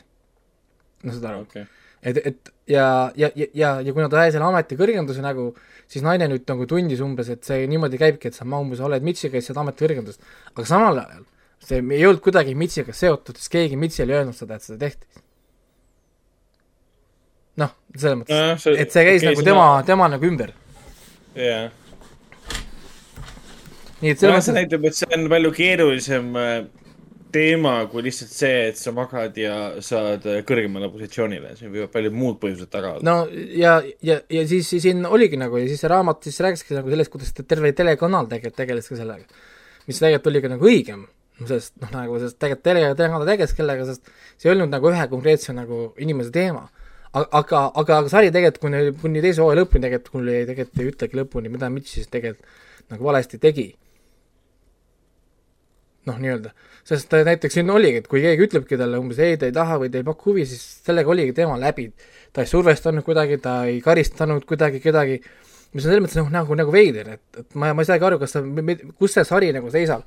kas see, see sari on siis nagu Me Too poolt või on ta Me Too nagu vastu või, või ta lihtsalt on otsustanud umbes, et me üldse ei võtagi poolt, me lihtsalt räägime Me Too movement, meil on siin erinevad pooled kõik, meil on siin naistöötajad, meil on siis meestöötajad, me räägime igaühe story't ja siis ise vaatad, kus, kuidas nagu on. et selles mõttes ta on nagu väga, väga, väga keeruline nagu selline väga keerulise sisuga või kuidagi noh, nagu seda raske on seda nagu paika panna siin ühte niisugust konkreetset sei-, seisukohta, et ta väga nagu ei võta seda ja siis samal ajal see naine, keda ta kohtab siis Itaalias on ju, see on väga niisugune otsa, otsa, otsa, otsekohe intelligentne naine ja siis hoiab tast eemale, siis ütleb ka, et, et teda ei huvita see ameeriklaste see, see solvu, sol-, solvumise ja, ja mitte üksteise mõistmise kultuur, et Euroopas käivad asjad teistmoodi. ja, ja siis äh, nagu see Mitch oli, ei, ma ei, me ei puutu ühtegi, ühtegi naist enam ja ma enam ei taha, siis see paneb tal bitch slap'i, et umbes ka, et et uh, bitches get slapped in noh, siin, noh nagu meil on ka nagu what the, nagu what the fuck, mida sa teed et, et noh, näitaski nagu, selles mõttes mulle meeldib see sari väga nagu, sest nad näitavad nii mitu erinevat moodi, esiteks näit-, näitab meile kõiki nagu naisi, kõik naised on väga erinevad. ehk siis see, see, nii nagu siin see üks naine, naine ütlebki, keegi ütles, et mingid naised on mingid asjad, siis sa ütlesid, oota, sa ütlesid naised. ei, sa ütlesid, et nimeta nimeliselt, kellest sa räägid. sest kõik naised, mida, mida see tähendab, see ei lähe absoluutselt minu kohta juba, juba, juba ei lähe. et äh, kui sa räägid nagu kõik naised, siis nimeta need, kellest sa räägid, sest äh, tõenäoliselt see kehtib ainult väga väheste kohta. et see on, see on sama asi, kui öelda kõik mehed. jälle, millest sa räägid? seda öeldakse pidevalt, oh kõik, kõik mehed on, ma ei tea, luuserid, kõik mehed on laisad või whatever, mul on see, et aga ei. millisest meestest sa räägid? kõik, kõik, kõik naised on üks, teine, kolmas, ei, see on jälle, noh. või siis ongi, et kõik mehed, kelle sina valid, on luuserid, äkki nii-öelda nagu, et, et noh, see ei kehti mitte kunagi mitte ühelgi nagu viisil, et äh, sellist asja ei ole olemas nagu, et alati on äh, erandid, alati on teistmoodi. ma soovitan vaadata tõesti Demonic Show'd Äh, pikad episoodid ka, tund ja peale, viimane episood oli veel mingi tund kümme vist isegi. Äh, teisel hooajal on suur üllatus ka, ma ei tea, ma ei saa sellest rääkida, sest see on mega suur spoiler, aga mul on oma, omad teooriad juba, juba selle kohta ka. Äh, teine hooaeg lõpeb sellega mm -hmm. siis, kus Covid läheb käima just, Covidi esimene suur laine, laine tuleb märtsis kaks tuhat kakskümmend et eh, teine hooaeg lõpeb sellega, kus kohas esimesed eh, juhtumid jõuavad, jõuavad Ameerikasse ja üks nende enda reporter on see osaliselt süüdi, et ta toob Itaaliast Covidi eh, am-, am-, Ameerikasse ja sa-, satub sellega siis uuesti põlu alla nii-öelda. et ta on nii hoolimatu ja nii edasi. et kolmas hooaeg on kinnitatud, kõik on, ta on hästi kõrge kvaliteediga kaliibriga seriaal, peale selle, et ta on nagu selline Apple TV visuaalne kvaliteet, pilt on, on nii terav, nii värviline, nii hästi valgustatud, nii ilus kõik see pilt, siis tal on selline, ka see näitajate kaliiber on lihtsalt nii kõrge. siin on sul kõik ju nagu suured staarid, põhimõtteliselt kõik on staarid. siin ei ole üldse mingeid nagu tundmatuid nägusid ähm,. Siis nagu ilus on ja kihvt on vaadata selles mõttes, et kõik see draama, see tempo, kõik on lihtsalt nagu paigas nii et, et äh, jah, Apple TV ikkagist äh, oskab, oskab, oskab asju teha ja, ja nad valivad väga hoolikalt neid asju, mida nad siis nagu teevad. ja Morning Show on tõesti, ma tõstsin, tõstsin hinnet äh, kaheksa poole peale ähm,. kolmandal hooajal siis, siis vaatan ka jälle uuesti ja ja mis siis oli äh,, see reedel lõppes ära Doctor Brain, sai läbi esimene hooaeg juba mul on mm,, mul on veel kaks äh, episoodi minna, mul on Invasionit kaks episoodi minna, kolm episoodi Foundationit minna äh, mm. -hmm. ma üritan siis selle aasta lõpuks need kõik läbi saada äh,, Doktor Payne on väga hea olnud siiamaani, väga roller coaster, what the fuck äh,, holy shit, kuradi kind of roller coaster. ja, ja see on see the good kind roller coaster. mul pole õrna andmeid, kuhu see läheb, see sari, nagu äh, mis siin toimub. see on sci-fi, fantasy, thriller äh,, revenge story, mingi äh, kuubis Lõuna-Korea mingi miks, nii palju asju, et ta on sto-, nagu narratiivilt nii keeruline, kompleksne, mõnus lugu, et siin on isegi raske võtta nagu niisugust ühtset nagu punkti, millest see sari nagu räägib, kui ma tahaksin täna rääkida, millest see räägib, ma ei ole kindel, et ma isegi saan aru, millest see tegelikult nagu räägib. see on, sellepärast noh, kui me räägime inimese ajust, nad võtavad hästi palju niisugust nagu aju tõlgendamise story't, siin on see aju mälestuste segunemine, miksimine, siis äh, mida me näeme, meie pole ammu, kas me enamus ajast näeme kellegi fantaasiamälestusi, oleme me kellegi ajus, kas üldse toimub midagi päriselt, mis on, mis asi on, mis mind fuck shit on siin selles mõttes nagu, et, et äh, aga ilus pilt on ilu-, ilus pilt on, et ähm, ja see Korea kvaliteet, no ei saa midagi, midagi, midagi öelda. sellest, sellest üle ei saa muidugi, jah. see, see, see on omaette, omaette tase. meil, kus hakkab juba, juba, juba nagu pihta, sa näed neid niisuguseid Korea tänavaid seal ja niisugused kõik, ah, niisugune mõnus, niisugune nostalgia millegipärast tuleb kohe. mingisugune nagu selline lapsepõlve avastamise rõõm jälle, issand, ma leidsin midagi head. aru mm., selline tunne, et vau wow,, et ma olen nüüd millegi, millegi hea jällil ja, ja, ja, ja ma tean, et ma juba vaatan midagi head, see on selles mõttes see doktor Veni niisugune, niisugune mõnus, mõnus feeling. samal ajal ütleme Invasion on ju, mis, mis on nagu ka, on olnud nii okei okay,, ma ei oska öelda, esimene, algus oli kihvt, siis kuidagi kukkus nagu ära, siis ta oli jälle, vau, issand, see on selline idee, see on jumala hea idee, see on, ma pole sellist tulnud ka filmi ideed varem näinud, siis on, ah kurat, see on jälle see, oota, kurat, kas ikka on, ehk siis ma ei tea, kuhu see nagu läheb selles mõttes ma tahan nagu näha seda ikkagi nagu lõpuni või niisugune nagu ärev, ärevus on sees. sest, sest äh, kihvtid asjad on ja Foundation on lihtsalt mõnus sci-fi. kellele meeldib Dune, oh my god, Dune'i fännid leidsid praegu kohe instant mm. uue lemmiku Foundation. see on nagu easy, mul on jah, paar, paar epi, epi, episoodi veel minna ja muidugi see, et peaosalised matema-, matemaatikud on, on, on, on alati tore sinu see soft spot nii-öelda? no noh, matemaatikutele ei anta piisavalt krediit, krediit, krediitit, et äh, hoiavad tervet maailma oma õlgadel, aga nobody gives a shit. aga Invasioni kohta ma ütleks küll seda, et esimene episood oli küll selline väga klassikaline ja sihuke slow burn. ja ma lugesin, lugesin INDB-st inimeste arvustusi, kus kõik ütlesid, et äh, kohutavalt slow burn, aeglane seriaal, mõttetu aja raiskamine Ja, nagu, kas see reaktsioon on kuidagi ülepaisutatud? ma ei oska öelda, et see, ta ongi slow burn, aga kui sa hakkad nagu natukene sügavamalt vaatama, siis sa saad, sa saad nagu aru teatud asjadest mm. -hmm. siis sa nagu saad aru, miks see nii on. okei okay. aga, aga jah, ma ei ole lõpuni veel jõudnud, ma ei tea, kuhu see story lõpuks läheb. või kas no ta üldse kuskile läheb? tulnukad tulevad maale, hakkavad seal kõmmutama ja tulistama ja plahvatused käivad, et inimesed ei saa aru, et äh, et asja tehakse natuke teistmoodi. ei, ei ähm,, ühesõnaga ma vaatan lõpuni ära, järgmises saates juba räägin siis ära, siis on mul see läbi okay., siis on mul Foundation läbi, mul Doctor Brain läbi äh,, ma tahan ära vaadata ka selle Paul Raadi ja siis selle äh,, issand, Will Ferrelli selle Shrink Next Door, millel oli ka viimane mm. osa juba väljas. ehk siis äh, noh palju, kas seda on, kas seda on palju või? see on kuus või kaheksa episoodi vist oli. aa, no see on nii palju ei olegi Need on pikadel, tunniajased, nii et äh, äh, omajagu vaatamist, aga Apple TV-s on stuff'i küll ja see kvaliteet on mind veennud küll olla Apple TV fänn, selles mõttes, et äh, kõige nõrgem kvaliteediga asi, mis ma näinud praegult, on Servant ja see on ka seitse, seitsekümnest. see on kõik, kõik, kõige nõrgem praegult. kõige, kui kõige nõrgem on seitsekümmend, siis on, tulevik on helge. et see on selles mõttes jah, nagu huvitav, kuigi Servanti kolmas hooaeg kohe tuleb, mul teine hooaeg jäi pooleli, sest ta kuidagi kaotab mind selles mõttes ikkagist nagu ära, et ta läheb üle selle noh, nagu see plausible joon, kus oma universumis paika pandud nagu niisugune nagu asi, mida ma suudaks uskuda vaatajana, siis no nad lähevad sellest nagu üle. et mul tekkis selline Far Cry viielik suhtumine, et no I don't think so. noh, nagu. et, et, et see ei mängi nagu välja ja mul tekib liiga palju niisuguseid nagu obvious või niisuguseid nagu kergelt leitavaid probleemide lahendusi, mis lahendaks nii palju asju siin sarjas ära ja mul on raske uskuda, et äh, tegelased ei tule nende asjade peale. et, et äh, see nagu veab seda sarja alt, mitte et oleks kuidagi jälle mingi nõrga produktsiooni või asjaga, ei, see on kõik top-notch stuff, lihtsalt äh, narratiiv enam, enam, enam minu arust ei vea, neil on vaja midagi nagu, mingit värskendavat sprinklerit sinna panna, et, et seda asja kuidagi hoida nagu elus äh,. Siis ma vaatasin ära The Unforgivable, kaks tuhat kakskümmend üks siis uh, Sandra Bullocki Netflixi filmi.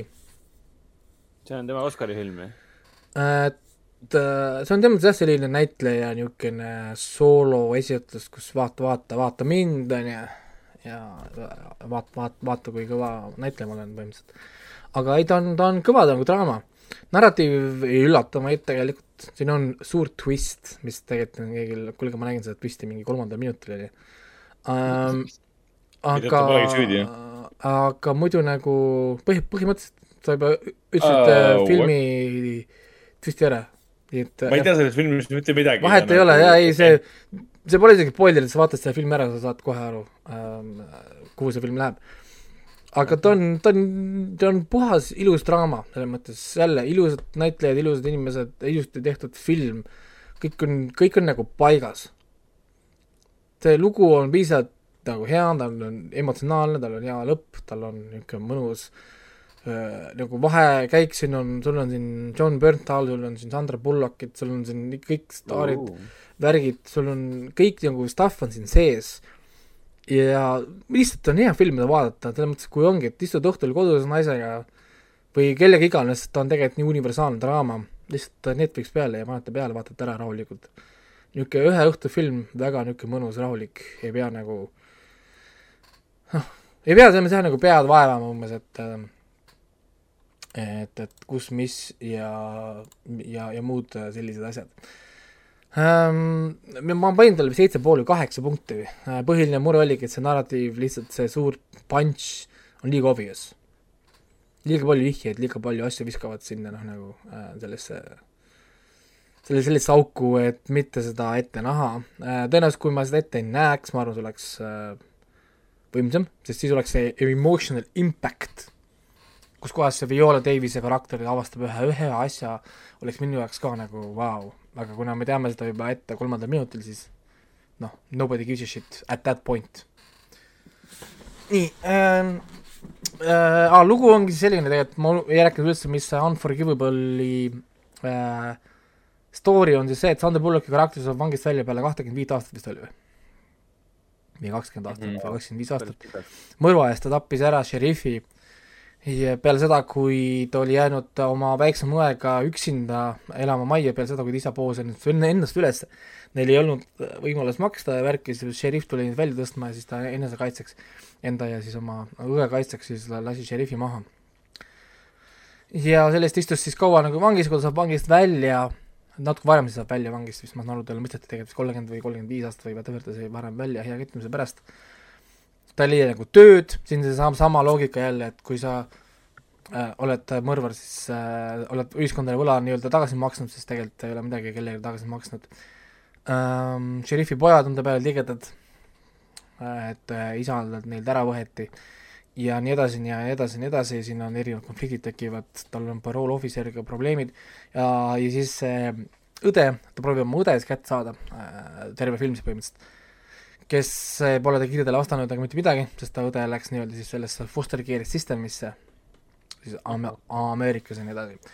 ja siis see lugu räägib sellest, kuidas ta proovib oma õde siis üles leida, et siis äh, nii-öelda õd-, noh, nagu siis õega uuesti siis connection leida. sest ta pole õde, õde näinud terve see aeg, ta isegi ei tea, milline õde, õde täiskasvanuna välja näeb. nii et jah, äh, selline see film äh, siis, siis oli, tõepoolest ta on, ta on hea film, ta ei ole küll mingi minu arust au, auhinnafilm ta ei ole. võib-olla ongi siis selline näitlejate auhinnafilm võib-olla siin välja noppida mõned nagu noh, rollid aga muu, muus mõttes ta ei ole midagi, midagi nii äh, kõrgel tasemega ja siis hakkasin vaatama uut animet, kuigi ma üldse ma enam ei vaata uut animet, on ju, siis äh, ma selgelt valetasin, sest ma hakkasin vaatama Crunchyrollist uut animet, mille nimi on Platinum End. ja mind veenis siis see, et äh, kuulutati välja Crunchyrolli siis need äh, anime auhindade nagu nominatsioonid tulid, ma vaatasin siis neid nominatsioone. Ja seal mul hakkas silma üks kommentaar ühelt kriitikult, kes pani Platinum Endi sinna action äh, kat-, kat-, kategooriasse, sellepärast et ta on nii-öelda lähim asi Death Note'ile, mis on tulnud peale Death Note'i. see on nüüd äh, päris julge yes,, julge väljaütlemine. Yes please, on ju. et äh, jaa, see ma, sobib. ja panin kohe peale selle ja Platinum End on siis, ma saan aru, miks ta, miks ta, miks ta seda ütles. esimeses e episoodis üks poiss tahab teha enesetappu ta hüppab maekatust alla ja enne kui ta maad puutub, ingel päästab ta ära. tema isiklik kaitseingel päästab ta ära, päästab ta elu ja pakub talle siis kaks varianti.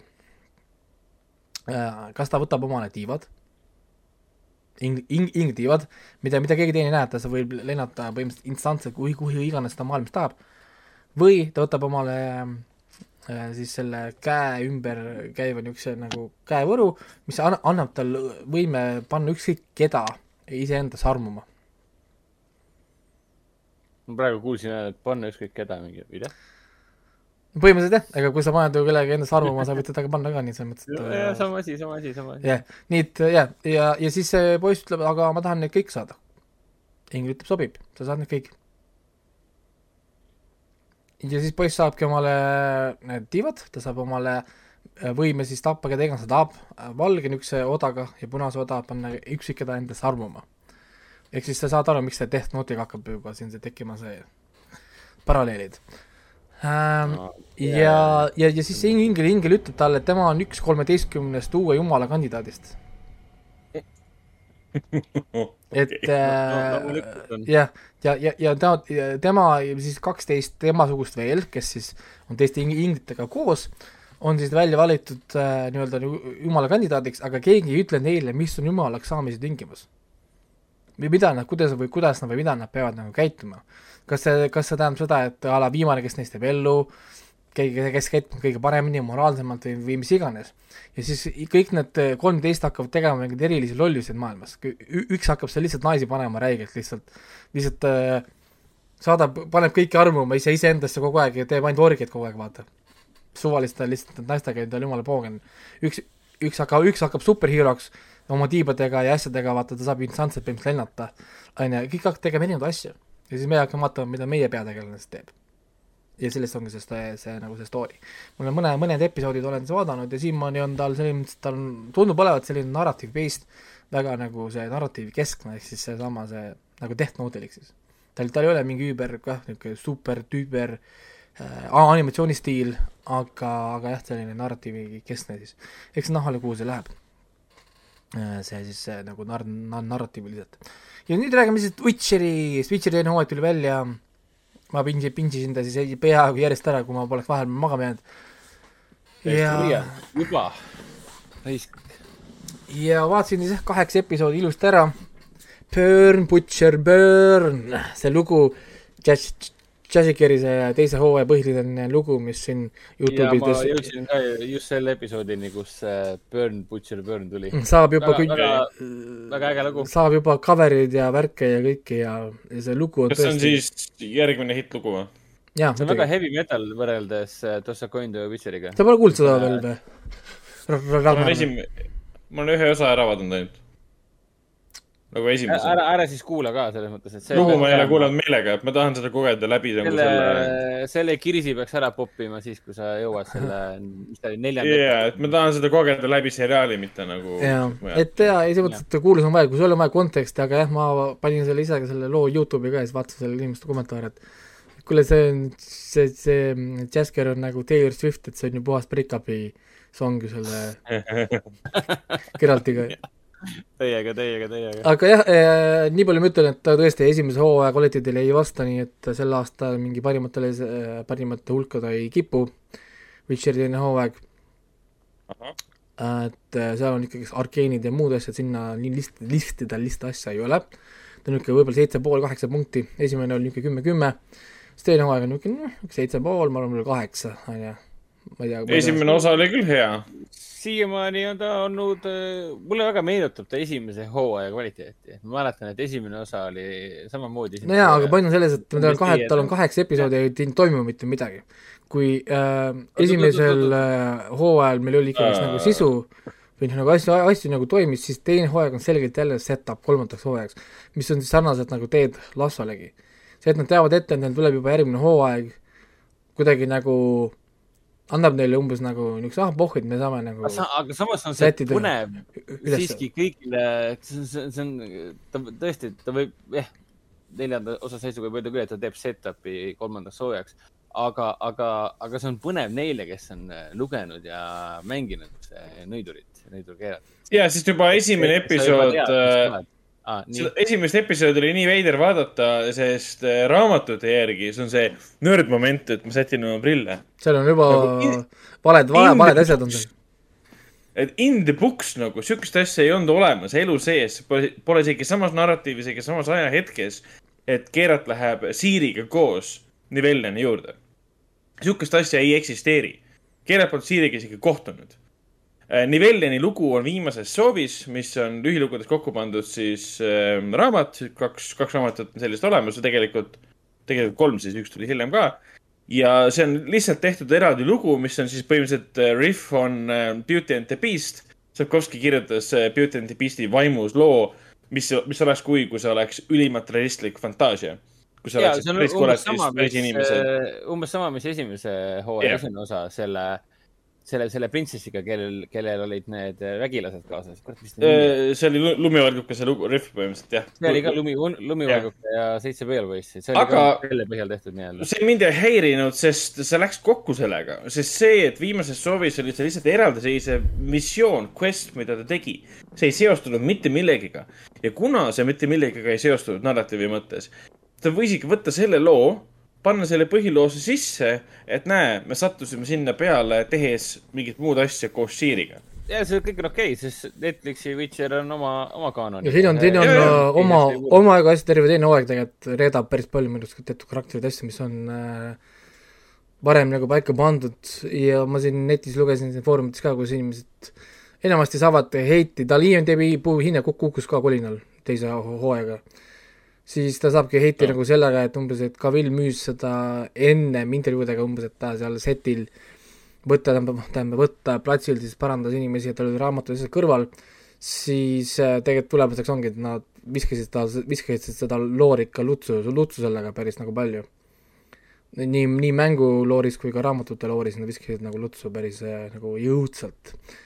kõik selle jaoks, et seda siirit äh, sinna kuidagi sisse toppida seda ja seda karakterit kuidagi seal nagu hoida ja ei no aga nüüd see teine hooaeg on ju ilmselgelt nüüd äh, esimese kahe raamatu, esimese raamatu siis põhiromaaniseeria ekraniseering, kus oligi noor Siiri, kes kogu aeg kannatas õudukalt all, et ta nägi seda äh, Nilfgaardi sõdurit ja vist kolmandas raamatus nad alles jõuavad, ei, teise lõpus jõuavad siis sinna. Äh, Kaer Morenisse või kuskile midagi laadset. jah, ja Witcher kolme fännide jaoks on teine hooaeg nagu. nojah, seal ütlesid, et ta jõuab teise raamatu lõpuks, ehk siis sa vaata veel pool episoodi ja sa oled juba seal.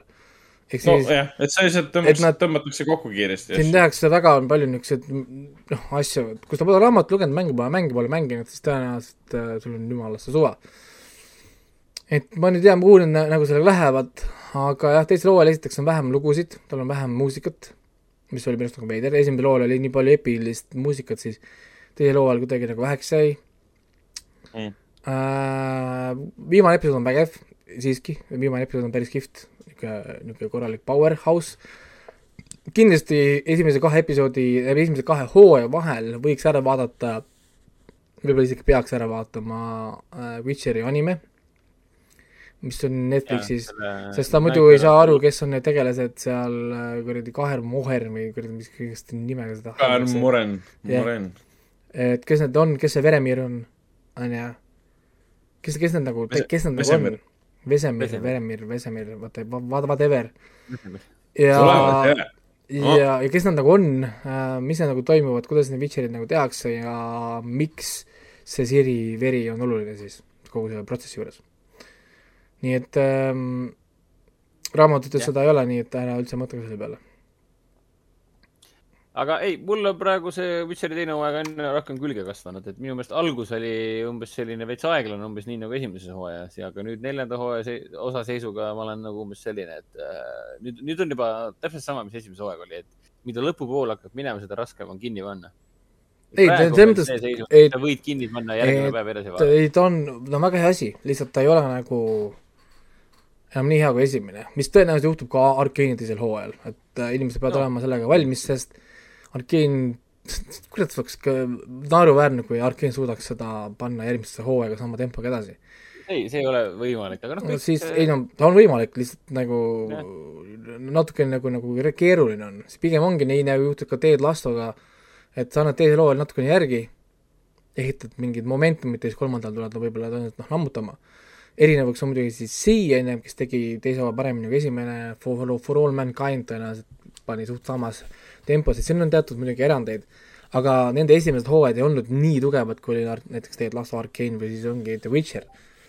Noh. samas see, Sea puhul on Apple, Apple TV Sea puhul on küll see, et teine hooaeg on äh, sama kõva, kui mitte parem kui esimene. ongi ja ma räägin, et see samuti oli For All Mankind ka, aga ma lihtsalt räägin, et nende, nende esimesed hooajad ei olnud nii tugevad kui need ehk siis Juh, see C oli küll tugev, ta oli küll tugev, aga ta ei olnud, ta ei olnud Witcher, ta ei olnud noh, ma ei tea, Ted Lasso on ju. nii, et selles mõttes, et no, äh, jah, mina olen nagu rahul kvaliteet, pilt on küll selline, et see, valime vist neljanda osa tööle, hakkasime vaatama ja kohe mingi esimene kommentaar, mis tuli, oli see, et issand, kui ilus on küll, 4K-s eriti, oh my god. see on, see on nii mõnus, niisugune roo, ma ei tea, millega nad filmivad. ma ka ei tea, millega nad seda filmivad. veerikaamera või ma ei tea, mis tänapäeval enam moodne on. ma arvan, et filmivad mingi kaheksa K-s seda tõenäoliselt. see on lihtsalt nii ilus. kui isegi mitte mingi rohkem veel, kümme, kaksteist K, mingi kuusteist K. kakskümmend neli K lihtsalt ei ole. niisugune rahulik, ilus montaaž, kuskile kiiret ei ole mingit rabelemist või möllamist siin ei ole montaažiruumis yeah ja action stseenid on vähemalt esimese episoodi põhjal, action stseenid on kõik nii rahulikud ja mm -hmm. nagu hästi mõõdetult lavastatud. aga kusjuures mind, mind hakkas tegelikult häirima, et Geralt ei ole enam nii väga Geralt. ja ta, ta on issi nüüd. ta ei, ta ei ütle fuck enam. no ta, ta ikka ütleb paar korda küll, aga lihtsalt mind hakkab häirima, noh, või hakkas tähendab häirima. kui ta esimeses hooajas oli niisugune nagu badass Geralt, keda sa tead, siis nüüd teisel hooajal ta on niisugune nagu pehmem Henry Cavill rohkem kui Geralt. aga see on ainult sellepärast, et ta on nüüd daddy. ta on nüüd, ei no ta, ta, ise ütleb siin sarjas, et ta on nüüd protector. jah, täpselt, protector ei ütle oma äh, võsukese juuresolekul fuck you, fuck you, fuck you, fuck. aga siin oli küll neid epi, epilisi stseene siin natukene nagu oli ja, ja siin oli üks, üks, üks kihvt mo-, mo-, mo-, mo-, moment ka, kus siis äh, see võib-olla on spoiler, aga aga üks, üks, üks, üks karakter küsis siis selle Geraldi käest, et kas, kas ta on sinu? aa ah,, okei okay,, nii. ja siis Geralt paneb siis mõõga siis talle kõrile ja, et say it with me. Mine et, et, et eks, eks varsti jõuate sinna ja siin on teatud niisugused kihvtid, kihvtid kohad küll ja, ja siin on lahingute värk, aga siin on niisugused need side story'd, mida üldse ei viitsi vaadata, see kuradi elfid, noh, mul on kopp ees nendest eh, elfidest, et. oota, kas need on need elfid, kes on seal äh, metsas või? jah yeah.. või need on mingid muud? ei, nad need esimesest hooajast, need, kes peitsid ennast. aa ah,, okei okay,, see Brooklyn Forest. Fili, Fili, Fili, Fili, ei, Brooklyn oli mingi muud. Need olid seal mingid teised tüübid. aa, need, kes kaljude vahel olid. räigelt, räigelt aega, räigelt aega antakse nendele elfidele küll, et nii vähe, nii vähe episoode ja vahel mingeid elfe siin, kurat. ära nüüd, äh, jah. aga, aga on... Äh, ei, selles mõttes, ei no ma räägin, et lihtsalt see ei ole kuidagi nagu negatiivne, ma iga kell vaatan seda, selles mõttes uuesti, mul ei ole absoluutselt mingi probleem panna uuesti peale panna ja vaadata siin uuesti. mulle tohutult meeldis neljas, neljas episood, seesama, kus äh, see Burn, Butcher Burn lugu, lugu, lugu tuli ja äh, ja tegelikult sealt läkski edasi, neljas, viies, kuues, kõik sealt edasi läks, esimesed kolm episoodi on niisugused, äh, võib-olla ongi aeg, aeglasemad, et äh, vaadake need rahulikult ära. ja siis lõpp läheb nagu kiiremaks ja paremaks ja viimane osa on eriti crazy, eriti ani-, animelik äh, siis episood. ja siis suure cliffhangeriga siis ka muidugi. et, et huvitav äh,, mind ennast paelub praegu kõige rohkem see, et sa ütlesid, et juba teises või kolmandas episoodis jõutakse Kaer Moranisse äh, et seal tehakse, seal tehakse asju, mis pole kuidagi seotud raamatute mängudega. lihtsalt äh, täiesti uusi asju. nojah, mind see nagu tegelikult väga paelub praegu, sest kui nad lähevad juba nii kiiresti sinna, siis nad skip ivad mingeid asju, aga samal ajal nad inkorporeerivad mingid asjad uuesti kokku. nii nagu see Nivelleni lugu näiteks, et, et see ei puutunud seeriasse üldse, aga nad panid sinna, sinna sisse. ehk siis raamatut lugenuna on täitsa huvitav vaadata, kuidas nad asju kokku on pannud ja kas nad häirivad või mitte. tundub, et mingid IMDB kasutajad on väga nagu endast väljas selles, aga. ei no jaa, muidugi, kui sa oled hardcore fänn, siis sellised asjad tõmbavad sind väga-väga ketasse. samal ajal, kui sa oled lihtsalt äh, Witcheri fänn, nagu üldiselt fänn, ilma, ilma et sa loeksid igat mingit tähte ja seal ajad seal A ja E on teises järjekorras selles sarjas, vaata, siis ähm, siis ma usun, et ta on, sobib sulle, sest ta esiteks, ta on lihtsama ülesehitusega kui esimene hooaeg, vot esimene hooaeg oli ju timeline difference, mis nii-öelda nagu osa inimesi lükkas nagu eemale, vaatas Jenniferi saamise lugu ja siis äh, Geralti lugu, need olid tegelikult erinevad timeline'id. kõik see samuti, kus ta see, see Law of Surprise ja need olid ju mit,, mitu erinevat timeline'i jooksid meil paralleelselt ja see oli confusing, kui sa, noh, kui sa, kui sa ei jälginud nagu nii näpuga järgi läinud. siis teine hooaeg jookseb kõik alati lineaarselt, kõik on samal ajal. nii et selles mõttes meil on väga lihtne nagu sündmused jäi jälgida ja on, aga jah, kolmas ju tuleb, kolmas pidi tulema millal, kaks tuhat kakskümmend kolm, see de-, detsember kahe aasta pärast. jah, stsenaarium olevat juba valmis. ma lihtsalt Netflix võiks vaikselt teha umbes niimoodi, et annavad uue hooaja välja, siis on see, et aa, üllatus, me anname kolm uut hooaega korraga välja, siis kogu maailm kollektiivselt kaotab oma mõistuse. ei no lihtsalt, lihtsalt ma tahaks, et nad selgitaksid mulle loogikat, et kuidas me varem saime iga aasta kakskümmend viis episoodi äh, nagu telekanalite käest, väiksemate eelarvetega. kui me saame praegu nende käest kaheksa episoodi, ka iga kahe aasta, aasta tagant, mis, mis, mis värk sellega on? ta on muutunud ei, ma lihtsalt tahaksin nagu noh, noh, noh nagu teada, nendel on kaheksa episoodi peale suurem eelarve, kui ennem oli teleseriaalid, Supernaturalid värgid, terve hooaja peale. Nemad said sellega tehtud kakskümmend neli, kakskümmend viis episoodi iga aasta. Nemad saavad selle rahaga tehtud kaheksa episoodi kahe aastaga. nagu noh, mis, mis, mis, mis järg sellega on et, et see natukene nagu häirib, et Stranger Things ka kuradi kaheksa aastat on möödas, kui Stranger, Stranger Things vist juba hakkas või ma ei tea, millal esimene hoo, esimene hooaeg juba oli. noh, istud ootad seda neljandat hooaega siin Forever and Ever, kõik lapsed on ammu kasvanud juba suureks, on ju, ja selleks kui me saame kunagi viienda ho-ho-hoo-aja, on neil seal juba vana, vanemad vanaasjad seal sarjas juba sellepärast, et seda nii kaua läheb aega, et neid hooaegasid teha. ja samal ajal episoodide arv on tegelikult ju nagu väikene. noh, ja neil on nii palju raha ja värke, miks see nagu kiiremini käis, see asi noh, ja siis samal ajal, nagu me siin Hendrikuga vist üks õhtu siin rääkisime, et seda Kipo, Kipo sai kuradi kolm hooaega sama aastaga sees, kui vist kõik tulid välja. ja, ja, ja, täiesti crazy. nii et kõik on nagu nii nagu balance'ist väljas on ja kohe tuleb see Dota ju, Dragon's Bloodi teine hooaeg tuleb välja nüüd juba. Dota alles oli siin mingi ju-, augustis või, või juulis või, tuli see Dota esimene hooaeg, nüüd juba jaanuaris saad teise hooaja, on ju. noh, okei okay,, et nagu what the fuck, et noh, nagu chill. Ja siis on mingi Arkeinen ja oh, me hakkame nüüd tegema, võib-olla kunagi saate mingi teises hooajas seal mingi. Jah, ei oska öelda, mis, mis ja, kuidas. ja, ja ma saan aru, et teise hooajaga tuli siis, äh, teise hooaja lõpus on siis äh, treiler äh, sellele oh, eel, e eelseeriale The Witcher Blood Origin, mille peaosas peaks olema siis Michelle Yeoh. ja see tuleb ja, siis välja järgmine aasta või äh,? vist jah, seda kuupäeva siin ei ole kasutuses öeldud, upcoming lihtsalt. oota, mis see siis on, see on mingi tuhat aastat enne Witcheri sündmuseid või? Kaksteist, tuhat kakssada aastat ennem äh, sündmusi. ehk siis, ehk siis esimeste nõiduri loomisest ja sellest sfiiride konjuktseerimisest või mis eestikeelne sõna on. no siin ka tegelikult okay., siin teisel hooajal räägitakse esimese nõiduri loomisest ja kuidas see käis ja miks Siri, Siri on oluline selle jaoks kuule, aga me vist ei tohiks liiga palju rääkida. Elderblad. muidu, muidu, muidu Raiko ütleb mingi spoileri ja siis me oleme kõik õnnekad. Ei, aga ega lihtsalt nüüd on näha see, et vaata, kui Witcheri esimene hooaeg tuli välja, siis see oli väljas, asi korras, kõigile meeldis. vahepeal tuli siis animatsioon välja. aga nüüd meil on animatsioon, teine hooaeg, järgmisel aastal tuleb see eh, tuhat kakssada aastat enne seda. vahepeal tuleb kindlasti mingi animatsioon veel, mida nad teevad ja siis kaks tuhat kakskümmend kolm tuleb see järgmine hooaeg, ehk siis nüüd on iga aasta mitu Witcheri asja Netflixis hmm.. Aga hakkasid lüpsma, aga küsimus ongi, kas raamatu autor saab raha või nad maksid raha CD Plussi Kreedile. kas nad teevad raamatute järgi või nad teevad mängu järgi? Nad teevad raamatute järgi. sest noh, kogu see mängu ja raam-, äh, raamatu ja seriaali võrdlus on tegelikult õigustatud see, et nad, äh, esimene mäng leiab aset pärast äh, viienda ehk siis viimase selle raamatuseeria osa ei tähenda seda, et see ei põhine enam Sapkovski kirjutatud raamatutel. Sest juba esimeses osas, teises hooajas mainitakse Wild Hunti, mis on nagu see, et Wild Hunt nad, on olemas ka põhiseerias. Nad, nad mitte ainult ei maini seda, nad, nad mitte ainult ei maini seda Wild Hunti. ma lihtsalt. Äh, esimeses episoodis ei, ei, ei, ei näidatud Wild Hunti. jaa, aga nad, nad teisel hooajal, nad, ma räägin, nad mitte ainult okay. ei maini seda no nojah, aga minu mõte on see, et see, et Witcheri mängud põhinevad ikka täielikult raamatutel.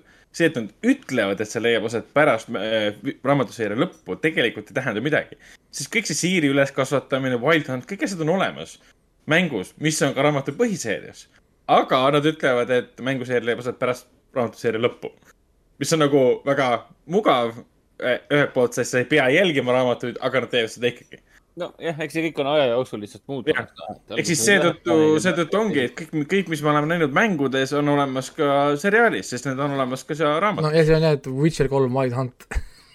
No ja obviously noh, et, et me hakkame selles seriaalis nägema võitlust Wild Huntiga ka ja kõike seda, mida me nägime, nägime Witcher kolmes. ei no kolmas hooaeg tõenäoliselt ongi uh, Wild Hunt kui hästi läheb, siis ma jõuan äh, Witcher kolm The Wild Hunti ehk siis selle videomängu siis enne lõpuks läbi ka mängida. ole nüüd, sinu, sinu, sinu tempoga sa jõuad selle läbi umbes samal ajal, kui minu esimene laps läheb, ma pakun.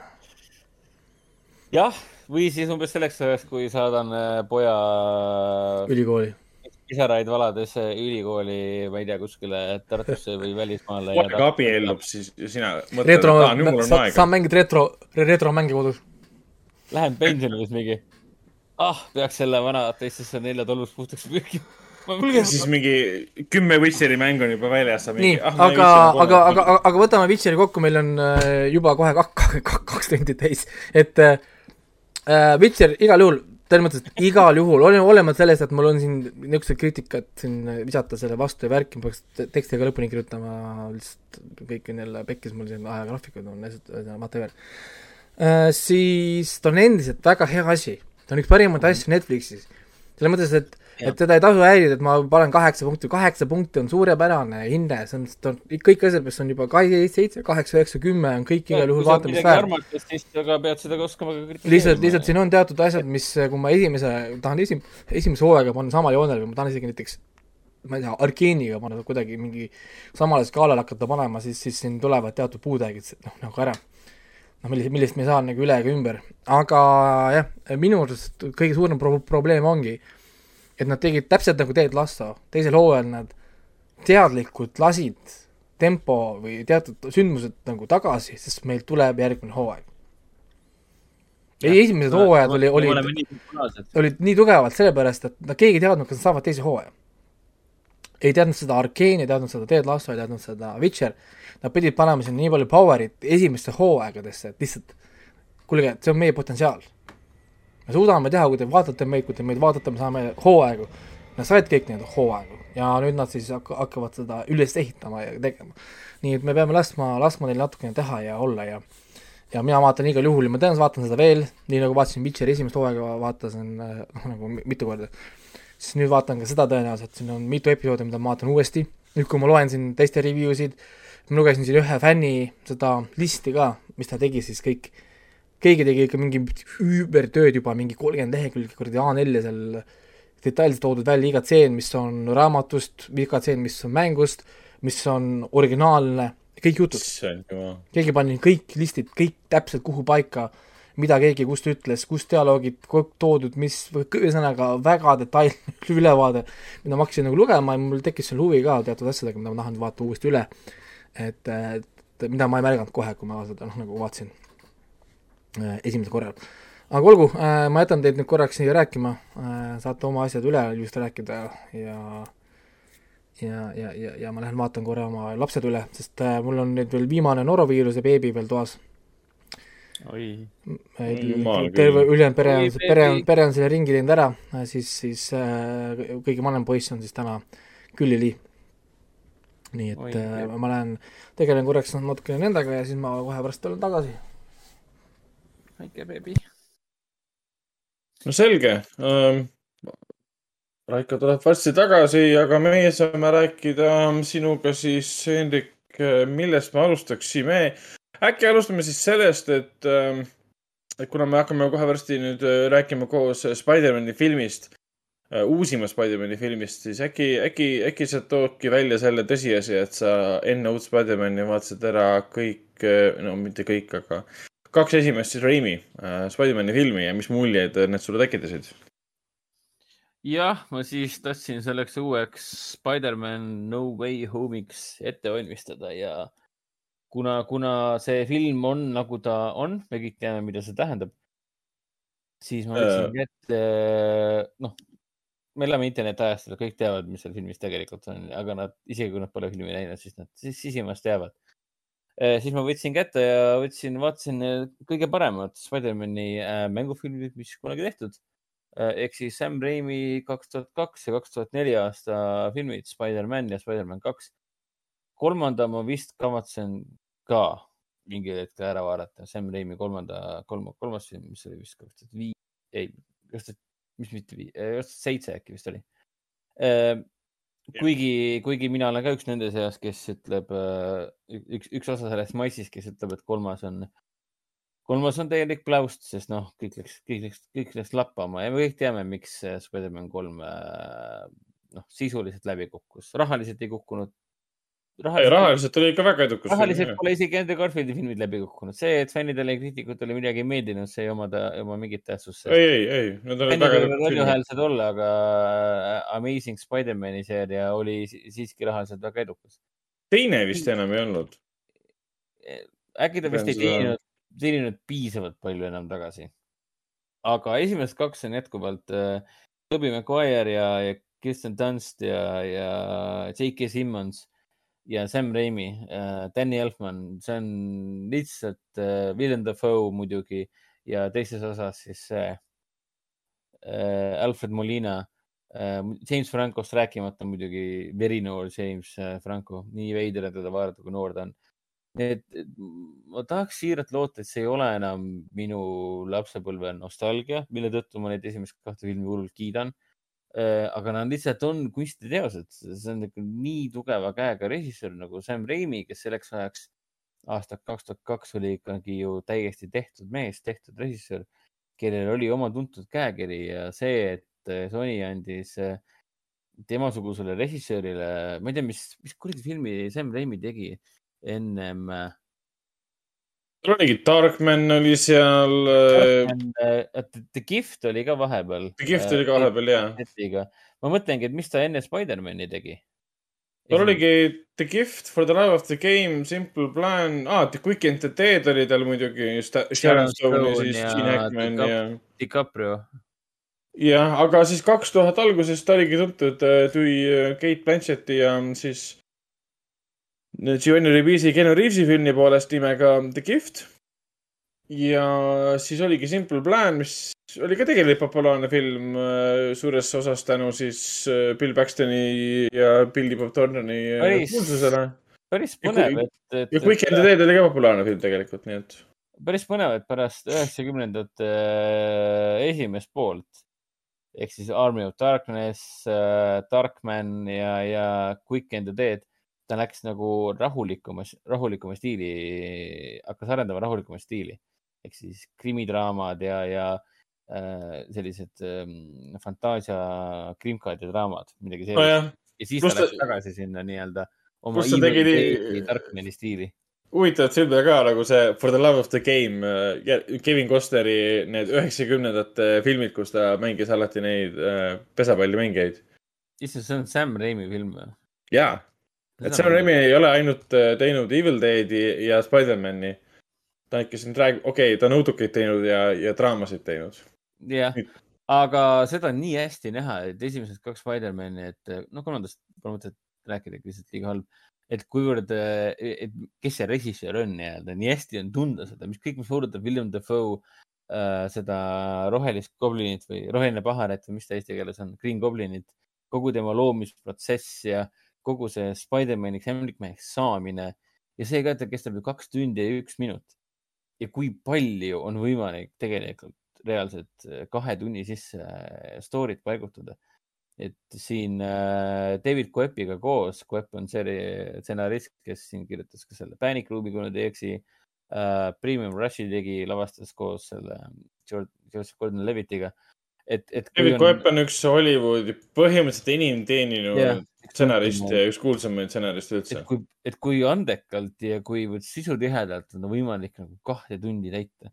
tohutu pikk ja mõnus ja äh, dramaatiline äh, eepika on see esimene osa lihtsalt. juba esimesed viisteist minutit on nii packed.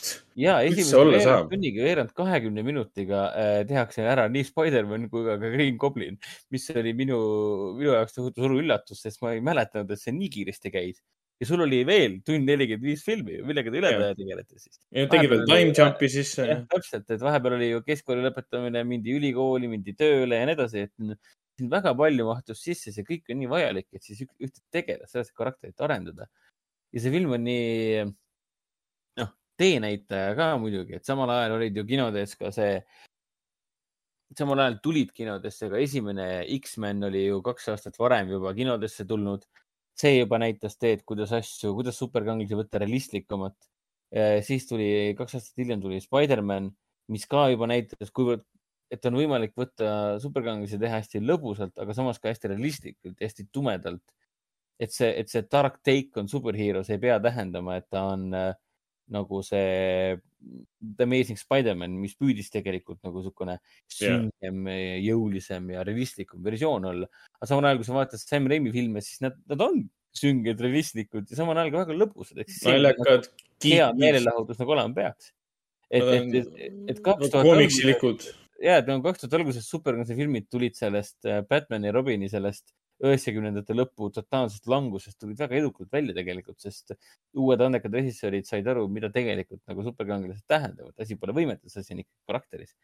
ja teine osa samamoodi see, mis on äh, Alfred Molina Doc Ock ehk siis doktor äh, Otto Octavius, see on noh, täiesti crazy, kui äge põhipaha sul võib olla. Ja eriti veel see ka, et ega teda ei ole seal filmis palju põhipahalasena aga kui ta tuleb ja ta on ekraanil ja siis filmi lõppedes jääb sulle mulje, et ta oli üheksakümmend protsenti filmist oli kogu aeg olemas. no tegelikult teist osa uuesti vaadates ma avastasin, et ega Doc Ock ei ole tihti ekraanil. ta, ta, teda on rohkem tõenäoliselt ekraanil äh, teadlase äh, Otto, Otto Octaviusena kui Doc Ockina. Ja, ja noh, rääkimata muidugi sellest, et äh, need on nii vanad filmid, kaks tuhat kaks ja kaks tuhat, kaks tuhat neli jah. Äh, ja, ja nad on, äh, mis puudutab seda toonaegset eriefekte ja, ja CGI-d, siis äh, see on nii hästi säilinud. Ja kõik tänu sellele, kuivõrd hästi toonased filmitegijad mõistsid, et, et, et ei maksa üle astuda äh,. ei, ei maksa minna liiga kaugele, sest pole mõtet luua midagi, mida sa ei suuda luua ilusalt, vaid tee niimoodi, nagu on võimalik teha ja nad said sellest nii hästi aru, nad, nad suutsid blendida ja mäskida kogu selle meeletu, meeletu viisteist minutit järjest tampiva action'i, mis on full CGI heavy. kuradi 3D modulatsioonid hüppavad teises osas nagu niimoodi ringi. kui sa paned freeze frame'i, siis sa näed, et jah, see ei ole Alfred Molina, see on lihtsalt body double, CGI body double, kes näeb väga kole välja. aga filmi vaadates kakskümmend neli kaadrit sekundis, sul ei ole võimalik seda näha ja, sest nad pidid ju omal ajal seda väga palju peitma yeah.. see peitmine tuli neil hästi välja. ainuke koht, kus midagi paistab, on see, kus sa näed seda riide, riidesimulatsiooni. kui nad kukuvad seal maja pealt alla, sa näed, et see riie, mis on Alfred Molina, siis see mantel, et see pole nagu päris, see ei peegeldu päriselt, ta on kuidagi liiga plastiline ja see on kaks tuhat alguse arvutisimulatsioonid, teistmoodi paremini ei saanudki. Yeah, ja me, ja keegi kuna... meist ei saanud toona, kui me seda kinos vaatasime, midagi aru ju. Ja täpselt, tollal see, see oli ükskõik ja tollal oli meie jaoks kõik see, kõik see nagu fantastiline vaatemäng. ja no muidugi Sam Raimi on ikkagi praktiliste eriefektide, efektide peale üles kasvanud, mis puudutab tema filme, siis mõni ime, et ta suutis aru saada, mida tähendab CGI ja eriefektide omavaheline niisugune kunstiline põimimine aga jah, suurepärased filmid ja väga hea oli just nimelt neid filme vaadata ja siis minna No Way Home'i peale, mis oli kõige parem Tom Hollandi Spider-man äh,. jah, kõige parem Tom Hollandi Spider-man yeah.. kuule, aga me peaksime hakkama kiirustama vaikselt, sest me lähme juba liiga kauaks. nii, aga äkki mainiks kah korra, mis ma olen, olen vaadanud, mida sina ei ole vaadanud, et ma vaatasin yeah. ära siis Netflixis selle äh, The Witcher Nightmare of the Wolfi, mis räägib siis äh, teise, Witcheri teise hooaja ühe tegelase Vesemiri ehk siis Geralti mentori loo ehk siis tema algusloo, kuidas, kuidas tema sai nõiduriks äh, ja kes ta selline üldse on ja, ja mis juhtus äh, Karmorenis või Karmoreniga enne, enne Geralti nõiduri aega nii-öelda.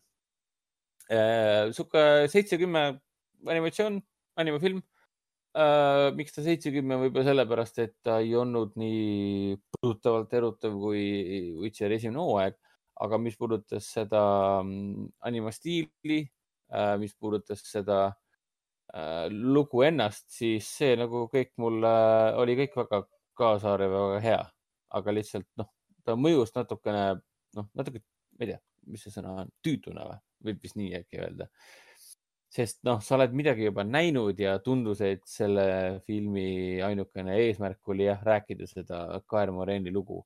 et see nagu, et see on hästi tähtis asi, mis ikkagi peaks jõudma. no tegelikult see oli ka Vesemiri lugu. no Vesemiri lugu ka jah, aga mulle tundus, et Kaer Moreni teema oli kõige tähtsam. selles, selle filmi loojaks oli muidugi Stuudio Mir, kes siin on siis need Keep and Days of Wonder Beast'i ja, ja Total Dragons Bloodi looja äh,. Väga Legend of Korra nad tegid ka ja siin on äh, Batman'i peal põhjalikult, ehk siis väga tuntud animestuudio, kes teeb Netflixiga tihti koostööd äh,. mis ma siin veel vaatasin ah,, selle ähm, Michael Caine'iga vaatasin äh, kaks tuhat kolmteist aasta filmi Mr Morgan's Last Love, hästi kurblik lugu vanast äh, pens-, noh, pensionärist, pensionärist härrast, kes leinab oma kadunud naist. Äh, ja, ja ta kogemata juhtumisi satub kokku sellise toreda äh, naisterahvaga, noore toreda naisterahvaga, kes tuletab talle meelde, et elu ei ole siiski üks suur lein. soovitan kõigile romantiliste, rahulikult kulgevate, mitte romantiliste, vaid elu jaatavate, rahulikult kulgevate filmide austajatele, eriti neile, kellele meeldib Michael Caine ja siis äh,, vennaga koos vaatasime ka ju seda South Park post Covidit ja, ja Fury't vaatasin ka siis, sellepärast ma kiusasin ka teid Fury'ga. kas me Fury mitte South Parkist juba eelmine kord ei rääkinud äh,? Läks meelest ära kusjuures ja sest uut osa veel pole tulnud, sest post Covid lõpeb, lõpeb nagu cliffhangeriga, et sellele tuleb ka järg okay.. see on see siis oli... South Parki mingi kolmas sihuke spetsial episood, mis on tund aega pikk jah, ja minu teada see, see peaks siis olema ametlikult nii-öelda nagu lausa, ta on nagu film, aga väidetavalt on see seni viimane hooaeg, mis koosneb tunnistest episoodidest.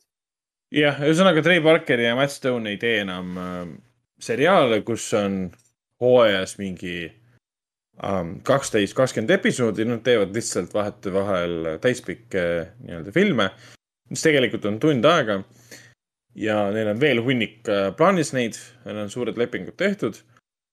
Ja South Park Post-Covid on siis järg justkui eelmistele, et meil oli see Vaccination Special ja siis enne seda oli siis äh, Pandemic Special. et meil oli pandeemia, vaktsineerimine, Post-Covid ja siis Post-Covid kaks um,. Neid tasub vaadata, nad on naljakad, aga ma pean ütlema, minule meeldis South Park sellisel kujul, kui ta oli veel seriaal ja mitu-mitu episoodi hooajas äh, rohkem. Sest seda sai võtta, seedida lühema perioodi peale. sa vaatad seda kakskümmend minutit ära. ta on väga konkreetsed naljad, äh, konkreetne süžee ja kiire süžee. aga need täispikad episoodid tund aega, nad peavad asja laiendama, nad peavad asju siduma omavahel ja ühesõnaga, ma ei olnud sillas ütleme niimoodi. kuule, aga see, selle järg on juba väljas, see tuli kuueteistkümnendal välja. South Park, selle nimi on South Park Post Covid, The Return of Covid. okei okay.. ja see kestab kuuskümmend kaks minutit. no mina olin pigem sillas, sest ma olen nagu uuemate äh, South Parki hooaegade suhtes väga-väga, väga sillas siis ma arvasin, et South Park ei toimi enam, siis ma vaatasin tagantjärgi mingid neli-viis hooaega järjest ära ja avastasin, et nad on äh,, Trey Parker ja Matt Stone on, nende, nende pliiatsid lähevad aina teravamaks, et mida huvitavamaks maailm meie ümber läheb, seda teravamaks lähevad nende pliiatsid. pluss on niisugune mõnus eskapism ka, et kui sinu ümber on idiootsed ja lollid inimesed, kes teevad äh, idiootseid ja lolli valikuid, siis, siis sa vaatad South Parki ja sa vaatad täpselt sama asja, mis sa vaatad, äh, mida sa koged päriselus äh, ja jälgid päriselus siis õnneks siin on äh, see nagu eskapismi vorm ikkagi olemas, sa lähed sinna absurdistani ehk siis South Parki ja, ja see, see mõjub sellise vaktsiinina nii-öelda, et rahustava vaktsiinina, et ära mm. muretse mm., kõik läheb hästi. ja see on tore jah, kuna ta. inimesed võivad veel lollimaks minna, aga South Park on alati olemas. kuna ta naeruvääristab ja võib-olla aitab näha naeruväärsust ja huumorit seal, kus me enam seda näha ei oska. Täpselt Ütleme nii, nii. Täpselt nii. Äh, ja siis ah, Fury eh,, Brad Pitti, eh, Shia LaBeoufi, Michael Pena, John Bentali, Logan Lermaniga, David Ayeri lavastatud kaks tuhat neliteist aasta sõjadraama Sõjapõnevik, mille peategelaseks siis ongi, ongi siis grupp, tanki, tankimeeskonna grupp teises maailmasõjas. Mis selle filmi juures meeldejääv ongi siis jah, kui rusuvalt ja rõhutatult rusuvalt jõhker teise maailmasõja nagu sõjadraama see tegelikult on. seda toonitab nii muusika kui ka ka. see on jah suht depressiivne asi. väga depressiivne, et. kas seal midagi lahedat nagu ei olnud, ta ei glorifitseerinud sõda ega midagi? iga teine tegelane on siis sõjast laastatud ja, ja eriti Brad Pitt, kes teeb siin täiesti fantastilise rolli, et see, kuidas ta vahepeal nagu peatub ja varjab ennast teiste oma kamraadide eest ja siis põhimõtteliselt nagu hoiab oma nägu kinni, et käed värisema ei hakkaks ja nägu värisema ei hakkaks ja nii edasi, et no see on nagu äge, see on väga depressiivne, mitte, mitte väga depressiivne, stiilselt, stiilselt depressiivne sõjadraama. mulle väga meeldis, et, et mõne aasta pärast võib-olla isegi vaataks uuesti, kui peale satuks. nii ja rohkem mul ei ole asju, mida ma oleks vaadanud ilma sinuta, Ragnar. Tahad sa jätkata? ma nii palju mainiks, et ma vaatasin lõpus ära siis uh, The Green Knighti, selle aasta filmi, mis tuli välja augustis uh,. David Lauri film Dev Pateliga mis on põhimõtteliselt see Arturi legendide ekraniseering ja minule see film väga meeldis, ta on kaks tundi kümme minutit, ta on kohutavalt aeglane selles mõttes, objektiivses mõttes ütleme kohutavalt aeglane, aga minule see tempo sobis. Ta oli li väga lihtne lugu tegelikult, sul, sul Dave Patelli see roheline rüütel. Gavain läheb siis äh, rännakule, et tappa ära roheline rüütel, äh, mingi selline, selline üleloomulik olend nii-öelda. kuigi keset filmi sa küsisid minult, et kas see film annab sõnale, terminile slow burn uue tähenduse? see oli pigem niisugune irooniline küsimus, et äh, saada meie ümber istuvatelt inimestelt, kuna see oli sünnipäevaseanss, reaktsioone. Aga filmi lõpus mulle kõik tegelikult meeldis, ta oli kavalalt kokku pandud ta ei, ei, ei, ei tegelikult pannud proovile vaataja kannatust sellega, et issand jumal, mine juba edasi. pigem ta pani selle, mitte kannatuse, aga, aga nojah, mõnes mõttes võib nimetada seda kannatuseks, et mõni tahab ju näha seda, et sa, ta jõuaks kohe rohelise rüütlini, et temaga võitleb. aga siis teised saavad aru, et aa, see on ikkagi teekonnast ja keda ja mida ta teekonnal nagu kohtab. Ja see lõpp mulle väga meeldis. et see kaheti, kahe, kaheks osaks läinud lõpp mm. -hmm. et mis yeah. oleks, kui ja mis siis tegelikult on. ja, ja no see mängu põhimõte on ju see, et see roheline röötel laseb endal pea maha lõigata. noh, see ei pea olema pea maha lõikamine, see oli ikka kaval sõnade mäng, ta alguses ütles, et sa või löö mind ükskõik kuhu, haava mind ükskõik kui sügavalt. Ja, ja see Kavain mingi, okei okay,, ma löön sul pea maha tule aasta pärast minu juurde ja mina löön sul pea maha. ja talle öeldi sama... seda, ja talle öeldi seda tingimust ennem, kui ta oma teo tegi. ja ta oleks võinud sama hästi, Kavain oleks võinud teda sama hästi lihtsalt võtta mõõgan, natukene teha väike kriips talle jala peale ja see Kavain oleks talle täpselt sama, see roheline rüütel oleks täpselt sama teinud Kavainile aasta hiljem. aga, aga sa oled rüütel, sa tahad ennast tõestada ja selleks see lugu tegelikult oligi, see rüütel, kes tahtis ennast kuninga äh, ees nagu, nagu silma all siis tõestada ja seda ta siis tegigi ja siis ta pidi terve aasta valmistuma selleks, et ta läheb uuesti rohelisele rüütlile vastu. aga ja, visuaalselt täielik meistritöö. kuskil David Lauri oli öelnud ka, et ta tahtis teha Arturian, Arturian legendi põhjal nagu filmi, aga väikse eelarvega, et talle ei anta suurt eelarvet ega midagi laadset. film näeb mega kallis välja, sellepärast et ta on niivõrd ilus, kõik kostüümid, värvid, valgus, loodus eriti kaameratöö, mis puudutab seda, et siis kui Covain äh, maanteeröövlite poolt niimoodi kinni võeti, äh, kinni seoti ja kaamera hakkab sõitma maast vedelevas kinni seotud Covainist, teeb ringi ratast ära, jõuab tagasi samasse kohta, me näeme, et aeg on möödunud ja ta on nagu justkui surnud. Ja siis kaamera pöörab ennast tagasi, aeg kerib tagasi, me näeme, et Covain on elus. ja film mängib sellega väga palju, me näeme, et aeg läheb omasoodu edasi ja siis ta pöörab tagasi samasse kohta tagasi, et näidata, et näe, mis oleks juhtunud siis, kui, kui ta oleks näiteks mitte edasi võidelnud, oleks ära surnud, aga ta võitles ja pääses ära. et äh, ma arvan, et see läheb mul isegi top kümnesse. ma ei ole oma top kümmet kokku pannud, aga ma arvan, et ta läheb mul top kümnesse mingil, mingil määral. ma loodan, et mul mahub ka ära. mul on päris palju üheksas, üheksasaid ja kümneid sel aastal. ma pean oma topid läbi vaatama, sest äh, kõik on nii palju muutunud viimaste päevadega, et see on kõik nii haige. oota, kuule, aga räägime, räägime hästi kiiresti sellest, et me vaatasime sinuga ähm, sõbra juures, äh, kes korraldas iga-aastast jõuluõudus äh, filmide vaatamist. kolm päeva see kestis, mina käisin sealt siis kahel päeval kohal. vaatasime ära sellised filmid nagu Transfers, Black Friday, Silent Night, Home Sweet Home Alone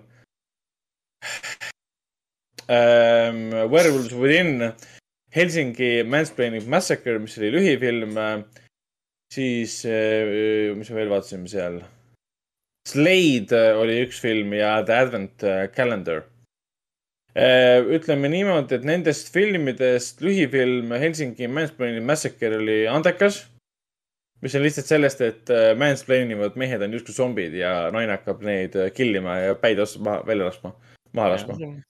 see oli siis Soome lühifilm, väga andekas. nunnu ja hüsteeriline film Transers on mingi veider äh, kaheksakümnendatel siis tehtud, kaheksakümmend neli, paar aastat pärast siis esimest Blade Runnerit veider mingi Blade Runneri koopia, mis nägi väga odav välja ja räägib mehest, kes elab tulevikus, kes on siis nagu politseinik, detektiiv ja ta saadetakse minevikku kaheksakümnendate LA-sse, et peatada siis mingi Whistleri nimeline kuri. Äh, oma, ta saadetakse kahekümne kolmandast oh, sajandist omaenda esiisa kehasse, mis on basically Assassin's Creed'i no nutshell.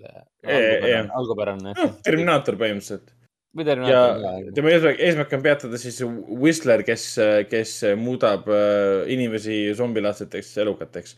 ma jäin magama kohe põhimõtteliselt pärast esimest poolt tundi, sest see tempo ja, oli sama. täiesti uskumatult halb äh,. siin toimus väga palju, samas mitte midagi, sest lõpuks, filmi lõpuks tekkis meil kõigil küsimus, et äh, mida see põhipaha siin teeb, sest ma ei saa täpselt aru, kuidas see väljendub. et kas see, mida ta teeb, kas see on paha või? Äh, jah, et igatahes, aga no kaheksakümne neljanda aasta filmi kohta oli ta tore siukene rämpsfilm või? ja, see peanäitleja oli hästi cool seal, aga ma ei saanud aru, kus ma teda üldse varem näinud olen. Äh, sest siin ju mängis noor, noor Helen Hunt ah,, kõrvalosa. sellepärast oli tore näha. et detsembri, jõulufilm nii-öelda leiab aset detsembris, kaheksakümne viiendal ja Helen Hunt pea, noh, peaosas põhimõtteliselt Tim, Tim Thomerson on siis peaosas ja ta on mänginud filmides nimega Near Dark. Äh, kui ma ei eksi, siis see on see Kathleen Bigelow vampiirifilm. jah, on küll jah, ma olen seda alati näha tahtnud. Air America, mis oli siis selle ah,, Mel Gibsoni ja Robert Downey Jr film okei okay,, läheb listi. ma ei teadnudki, et neil on koos film olnud, Mel Gibsonil ja Robert Downey Jr-il. üheksakümnendal aastal. mis film see praegu oli? Air America. okei okay is-, Roger Spottiswoodi film, issand, ummg. kuule, pane, pane need püksid tagasi jalga. igatahes, igatahes um,. ja see ei olnud jah, väga meeldiv film, lihtsalt hakkas peale kui nagu Blade Runner. et tundus, et filmi nagu idee sündiski sellest, et Blade Runner tehti ära ja siis kõik produtsendid vaatasid, aa, võime parema filmi teha, edukama filmi teha, aga ta ei olnud seda. jah, noh, tore nunnu rämpsfilm, selles suhtes võib kiita küll ja nendest, tegelikult nendes filmides, mida ma, mida ma vaatasin, mida ma välja tahaksin tuua, on tegelikult siis ähm,, tegelikult on siis kolm filmi. üks neist on siis Silent Night, äh, selle aasta film Keira Knightley'ga. üks neist on siis Werewolves Within, mida siis Raiko ja vend on näinud. jah äh,. mis mulle meeldis. väga tore, naljakas. tore film. kumb sulle meeldis, mõlemad või? Werewolves Within. aa, okei okay., jaa. mulle ka meeldis äh,. seitsekümmend film vaataks seltskonnaga uuesti, siin oli palju, palju ootamatusi isegi ja mingi obskuursel Ubisofti mängul tehtud filmi kohta ei olnud sellel mingit õigust nii heal, nagu ta oli. aga kuna see reisijal oli see, mis ta nimi oli, Dan äh,, ei uh,. Joe Ruben. Joe Ruben jah, kes tegi selle Scare Me, mis meile ka väga meeldis, mida me Raiko juures vaatasime. siis seda reisijali ootab, ootab ilus tulevik. ja teine film, mis välja tooks, on Silent Night mis on siis Keira Knightley'ga, kes seal veel oli siis, Matthew Good yeah.. ei, jah, Matthew Good um,. Silent Night on põhimõtteliselt post-apo film, äh, kus jõuluõhtul koguneb perekond, sugulased kõik kokku ühte maaaia. ta ei ole äh, post-apo film ju. no okei okay,, ta on. Apo pole ära toimunud. jah, ta on ap apokalüptiline film ja kogu filmi nagu point või see võti on siis, seisneb siis selles, et perekond koondub ühel õhtul äh, ühe katuse alla, et pidutseda. sellepärast, et hommikul nad teevad kõik, äh, vähemalt planeerivad siis, äh, teevad kõik kollektiivset enesetapu, sellepärast et hommikuks on kohal mürgine. aa. nagu. okei okay,, igatahes, igatahes IMDB sünopsises on kirjas, et perekond koguneb kokku ainult üheks asjaks, et siis eh, kõik surevad ära. ehk siis no okei okay,, ma ei ütle ära, miks, aga nad kõik planeerivad äh, enesetappu. no meie kuulajate Raiko lohutuseks võin öelda seda, et ma ääri-veeri suutsin talle kuus-kümme panna, sest siin on palju potentsiaali, aga minu meelest see film. ma panin, jah, ma panin viis. see film ei um... suutnud, ma vist, ma vist vahetan ka hinda ära, sest ta on ikkagi väga, potentsiaali tal oli, aga ta on ikkagi küllaltki mitte midagi ütlev. püüab väga palju öelda just sellega, et meil on jõuluõhtu, meil saavad sõbrad kokku, kõik närivad üksteise kallal, mölisevad üksteise kallal, kõik on hästi britilik, huumor nagu toimib, aga see see, see nii-öelda apokalüpsise vari, mille eest neid hoiatatakse, tervet Suurbritanniat, et midagi on lähenemas, te peate olema valmis. see nagu üldse ei toimi, see on nagu see ulmeline osa, osa nagu täiesti läbi mõtlemata. Eh, no vähemalt selle tasandil läbi mõtlemata, et sellega oleks võinud ikka jõuda ka kuskile. Mitte pakkuda seda, mida ma olen juba varem näinud ja teha nägu, et see kõik on jõle dramaatiline ja kurb, et Äh, aga tore, et sa niimoodi spoildasid, et äh, võimalik. see ei ole spoiler, sellepärast et äh, kui sa võtad IMDB lahti, seal on kirjas, perekond koguneb üheks õhtuks kokku ja nad kõik surevad hommikul. ma lihtsalt peaaegu oleksin välja öelnud, et miks um,. aga ja, ma panin ka viis, kümme, sest lihtsalt poolteist tundi filmi ja esimesed, noh, tund aega lihtsalt tegelikult midagi ei toimu, nad annavad neid vihjeid niivõrd aeglaselt. et, et mis tulemus on ja, ja lugu ei liigu. see on suurim surmapatt, mis sa saad oma filmiga teha, on see, et lugu ei liigu mitte kuskile. ja ühel hetkel hakkab ülimalt kiiresti liikuma, aga selleks ajaks on juba hilja. selleks ajaks on film, film juba läbi ja kõik need vähegi põnevad detailid muutuvad mõttetuks, sest nendega ei tehta, tehta enam mitte midagi. jah, aga lõpuks see dramaatiline kude hakkas selles mõttes lõpus tööle. et kui, kui, kui juhtus see vältimatu asi, mida kõik seal tegema hakkasid, ütleme niimoodi, millele siis filmi sünopsis IMDB-s ka viitab, siis see läks üsna dramaatiliseks. see oli ikka, seda oli kohutav isegi pealt vaadata. eriti veel see, et äh, ta läheb kokku praegu selle pandeemia teemaga. Kuigi filmi võtted olid kaks tuhat kakskümmend veebruar, pandeemia alguses põhimõtteliselt peaaegu kogu maailma jaoks. ehk siis ta veits läheb kokku sellega, et äh,, et see ei ole, sa ei usu seda, et vältimatu lahendus on vältimatu. sa lõpuni välja eitad seda ja siis saame teada, kas ähm,, kas tal oli õigus või kõikidel teistel õigus. Aga veits tuleb siin see teema sisse, et, et see väike osa rahvastikust, et neil on nagu õigus ähm,. ma ei taha rohkem spoilerdada aga ja. ta oli, ta oli huvitav film, aga lihtsalt ta oleks pidanud tugevama käega või parema stsenaariumiga lihtsalt olema, ongi kõik.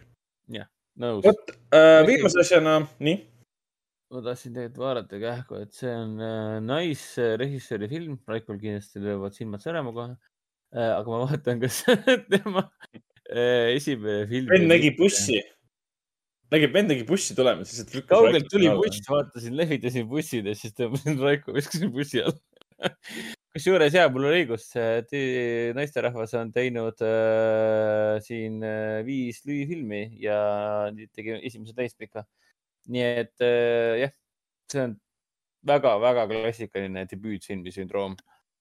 hullult tahetakse midagi öelda ja siis lõpuks on see, et no thank god, et see tund kolmkümmend kaks kestis ainult. nii, aga lähme edasi. me peame Spider-manini ka jõudma. ja äh, viimase asjana me vaatasime ära siis äh, uue Home Alone'i filmi. issand jumal küll uh,. mis on eriline siis selle poolest, et um, seal mingi peaosa see poiss, kes äh, mängis äh, kõrvalosa. Jojo Rabbitis.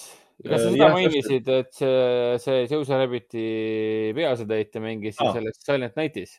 Mm, Roman, kurat, ta nimi oli, Roman Griffiths Davids või mis ta nimi on? igatahes mõlemad peategelased sealt, lapstegelased Jojo Rabbitist olid meil siis jõuluõhtul täitsa olemas. nii Silent Night kui ka, ka yeah.. Home Sweet Home Alone. et see, et see Jojo Rabbiti peategelane tegi oma elus parema valiku mm, selle koha peal. mina avastasin hoopis seda, et äh, veider on see, et selles IMDB-s ei olegi võimalik panna mingi hindeks null koma üks või midagi või miinust, sest see film nagu oli täpselt selline, et. Pole kunagi saanudki nagu. ta on hindamatu film tegelikult. ja ta on hindamatu.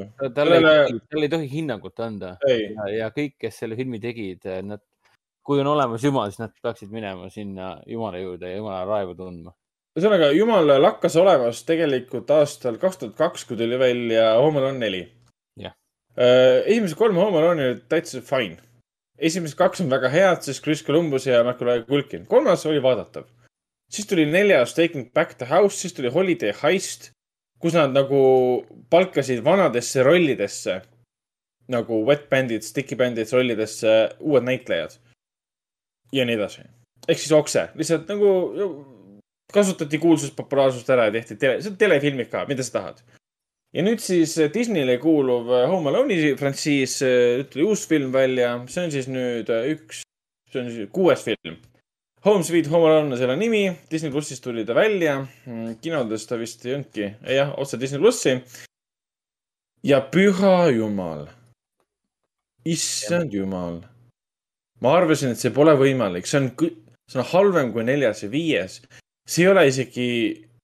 no see ei ole film. see ei ole film, see ei ole, see ei ole võimalik, et tänapäeval teha midagi sellist, mis meenutab kahe tuhandete alguse nagu mingisugust Son of Mask'i.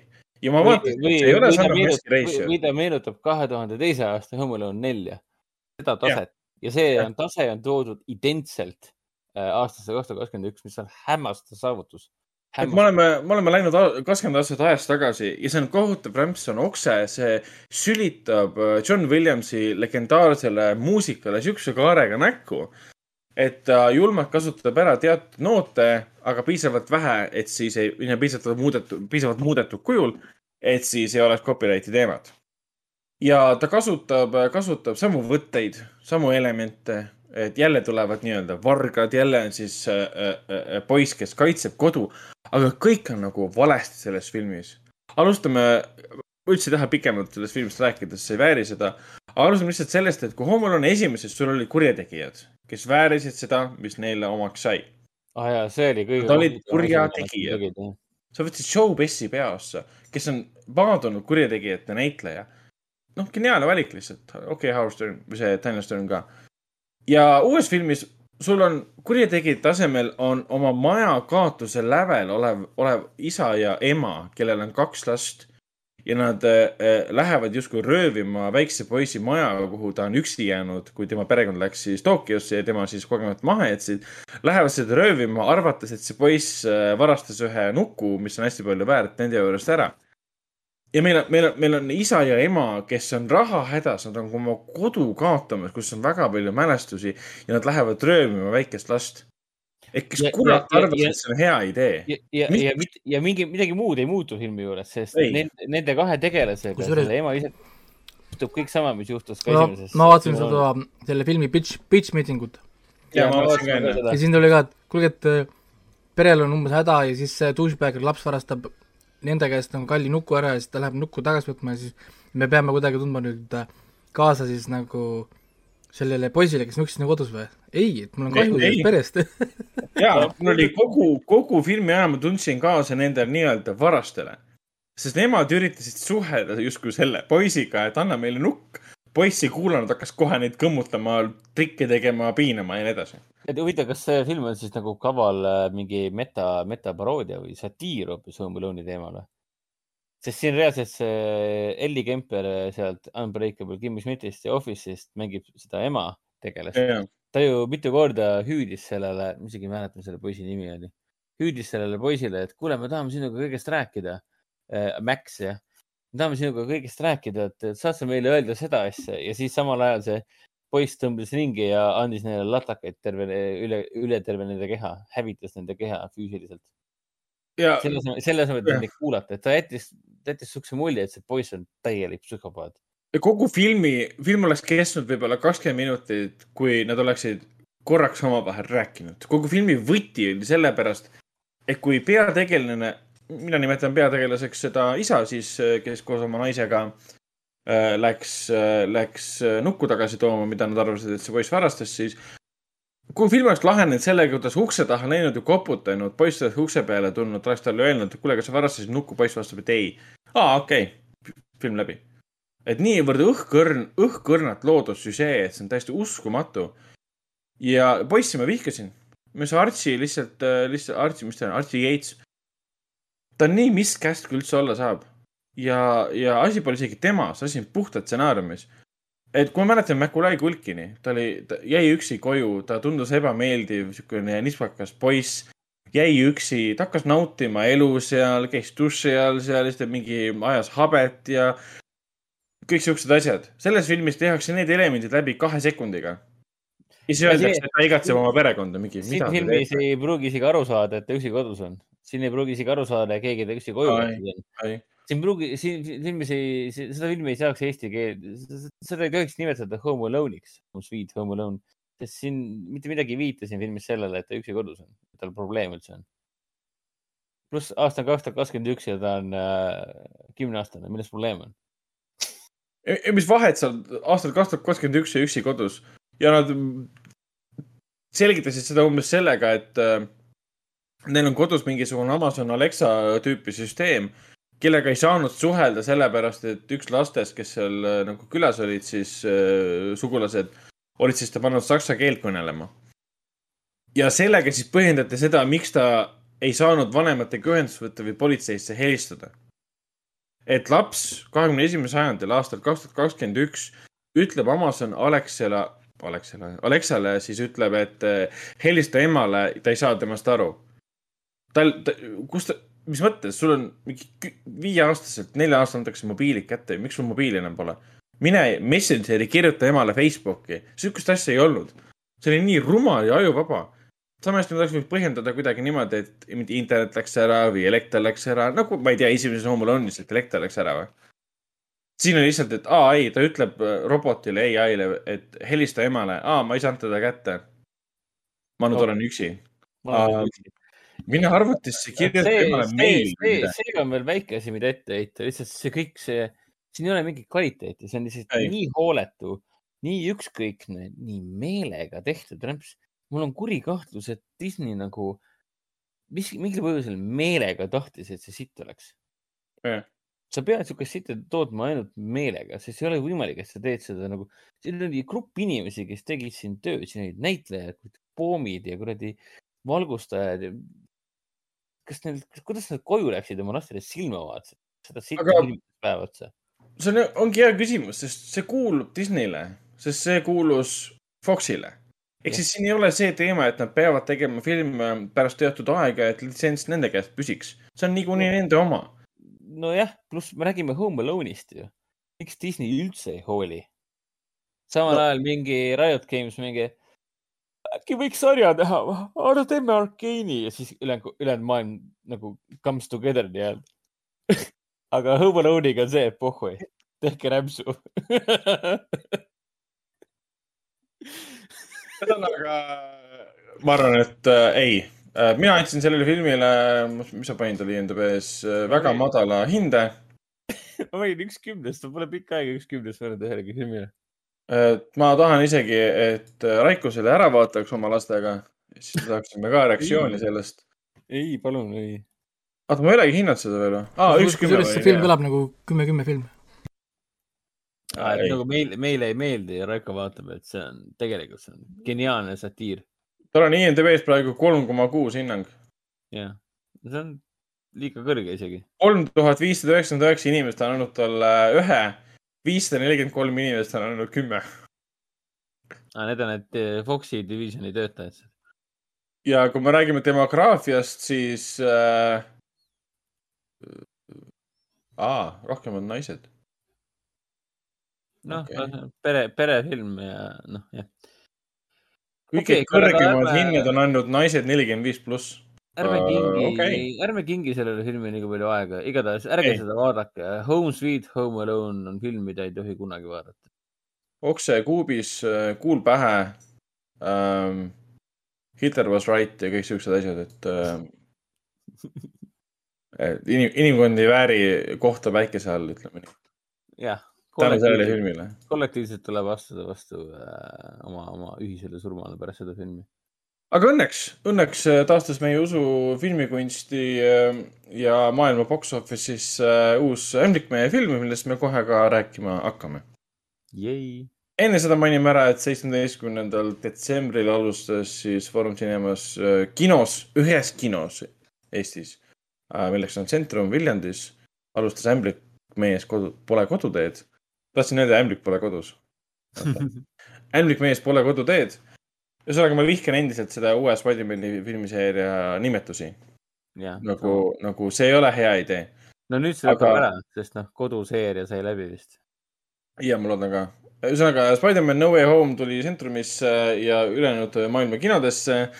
Äh, Artises alustas Vene draama Surnute päev, Taani sõjadraama Ära mitte kahtlegi ning äh, Pedro Almodovari uusim film Paralleel emad, samuti jätkusid meil ka, jätkuvad, jätkusid meil ka Prantsuse lähetuse eelseansid äh,.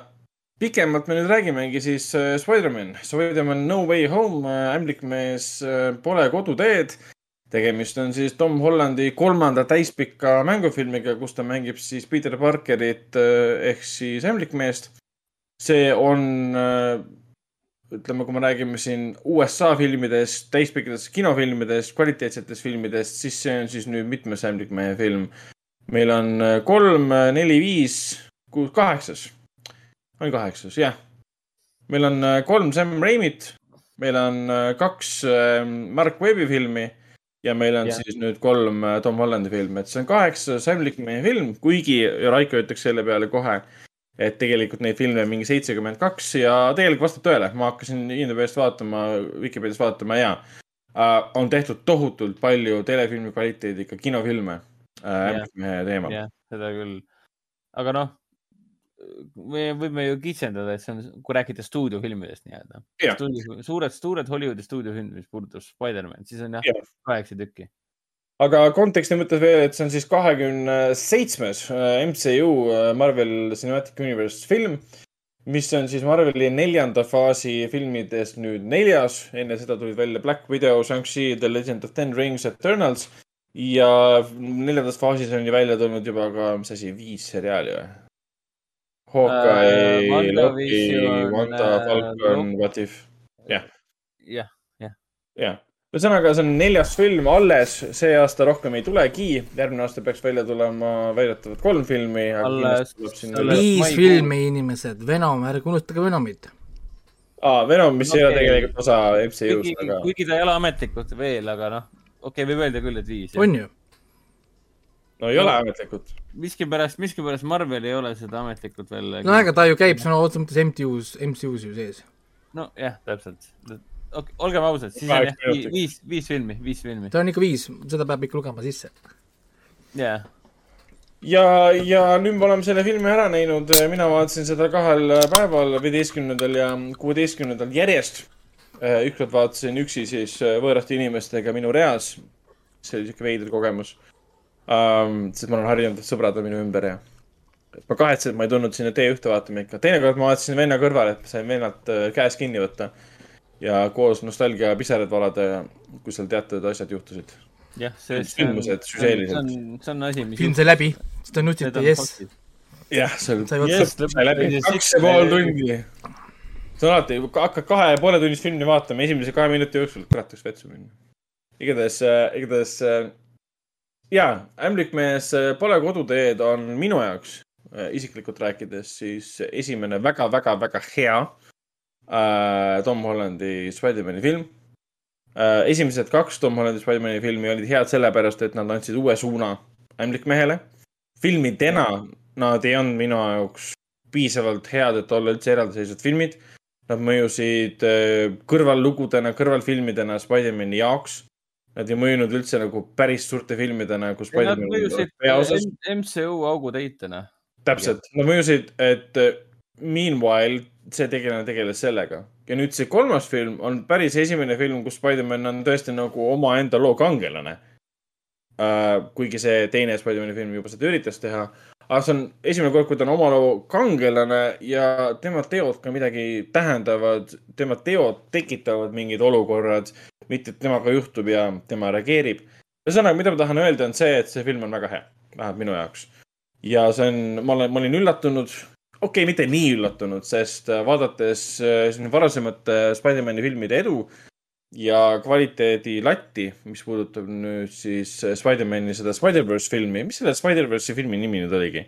Into the Spider-verse. Spider-man Into the Spider-verse uh,. see tõstis lati nii kõrgele ja MC, see oli nüüd Sony film, tuletame selle ka meelde yeah.. siis siis Marvel sai ise ka sellest aru. Aga me räägime ikkagi sellest, et, et Sony ja, ja Marvel ju jagavad Spider-man'i karakterit õiguste koha pealt. ehk siis nad vaatasid, mida nad tegid seal Spider-verse'i filmis ja siis Marvel ütles, et I raise you ja, ja nad ei teinud paremat filmi kui Spider-verse, aga suht close enough ja, ja tõesti fantastiline film. Siin on draamat, siin on action'id, siin on väga-väga palju suuri üllatusi. siin on, sõna otseses mõttes siin anti kõikidele fännidele, mida nad kõik tahtsid saada, ehk siis see on ja. ultimate fan service nii-öelda ja sinna anti kõikidele fännidele, ehk siis kõik, kõik Spider-man'i fännid ja, kõik said, absoluutselt kõik said. Ja me räägime, räägime absoluutselt kõik Spider-man'i fännid alates sellest, kui tuhat üheksasada kuuskümmend kaks kuradi koomiks tehti, kõik, kõik, kõik Spider-manid said siin momendi, kus äh, nii-öelda telk läheb püsti korraks, et igaüks saab midagi ja, ja, ja kõigil on korraks mõnus happy moment, on ju. et äh, kinos meil endal oli niimoodi, et noh, meil oli, meil oli seda Spider-mani fänne muidugi palju, me chat'isime seal ikka korralikult, et ajasime teisi inimesi närvi. me olime, me olime kõik seal koomiks inimesed ja siis kohe, et op, see on see, see on see oh,, oh, oh, oh, oh, kogu aeg. ja ei, mul oli, mul oli ka, ma tüütasin venda kogu aeg. ja, ja siis äh, kõige parem moment muidugi, mis tekitas kõige rohkem reaktsiooni, on muidugi alguses oh, suhteliselt kiiresti ah., kui okay. ah, ja, ja, ja. on nii-öelda, nii-öelda see, et ma olen ju suurepärane see inimene.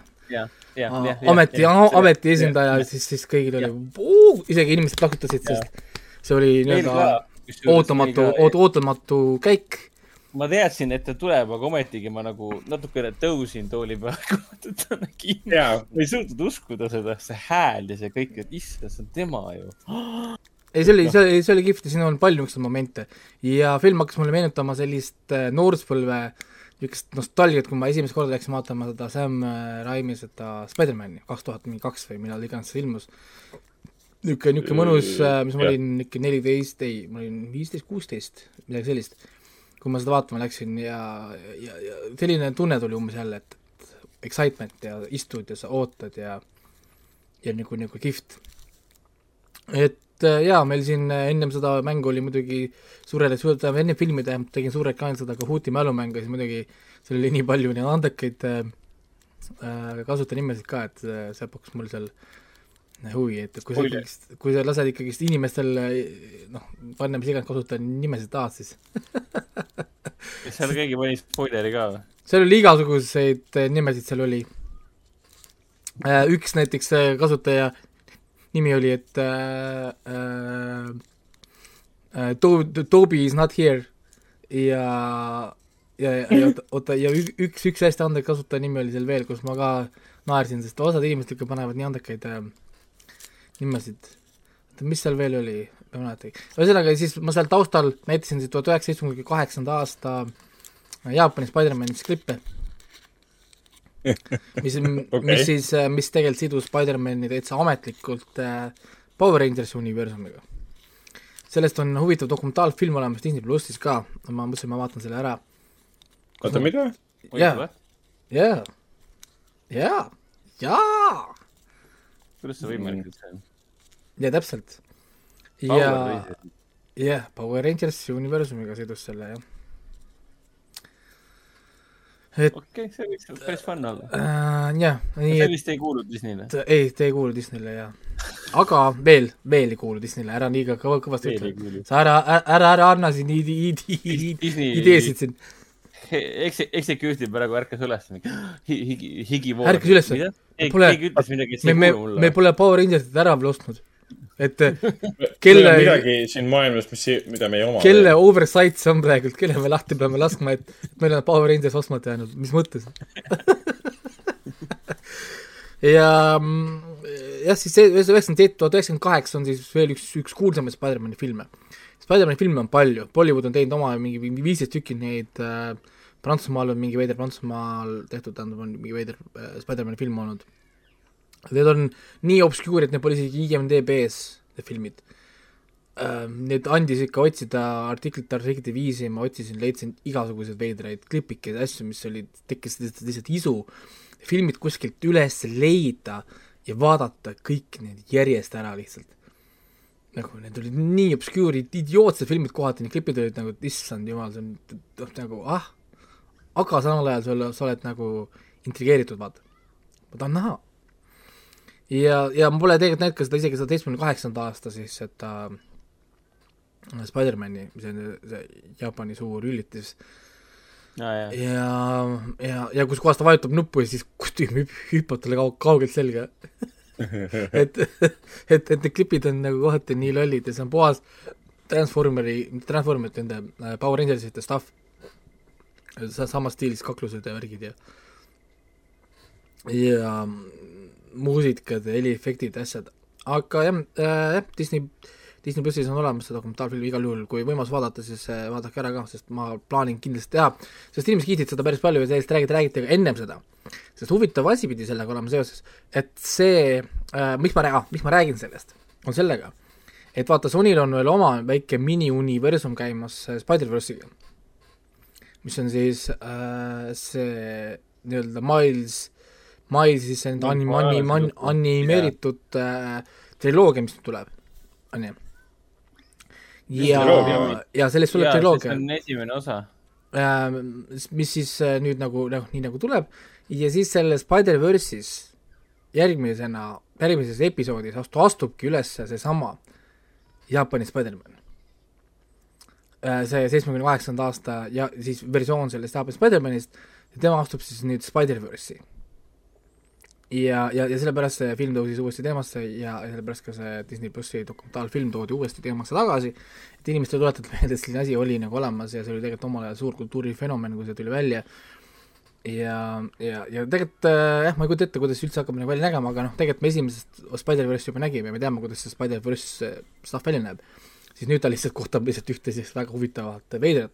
aga samal ajal, kui nüüd peaks juhtuma, et mingil põhjusel see Spider-verse ikkagist läheb kuidagi ka MCU-ga kuskilt riivab mingi külge, siis see tähendab seda, et siis see Kobayashi äh, Spider-man läheb ka MCU-ga kuidagi kokku ja siis on MCU seotud ka muidugi Transformersitega ja see läheb mingi käest ära, see protsess on kõik, et muidu keegi ei jõua seda enam äh, hoomata.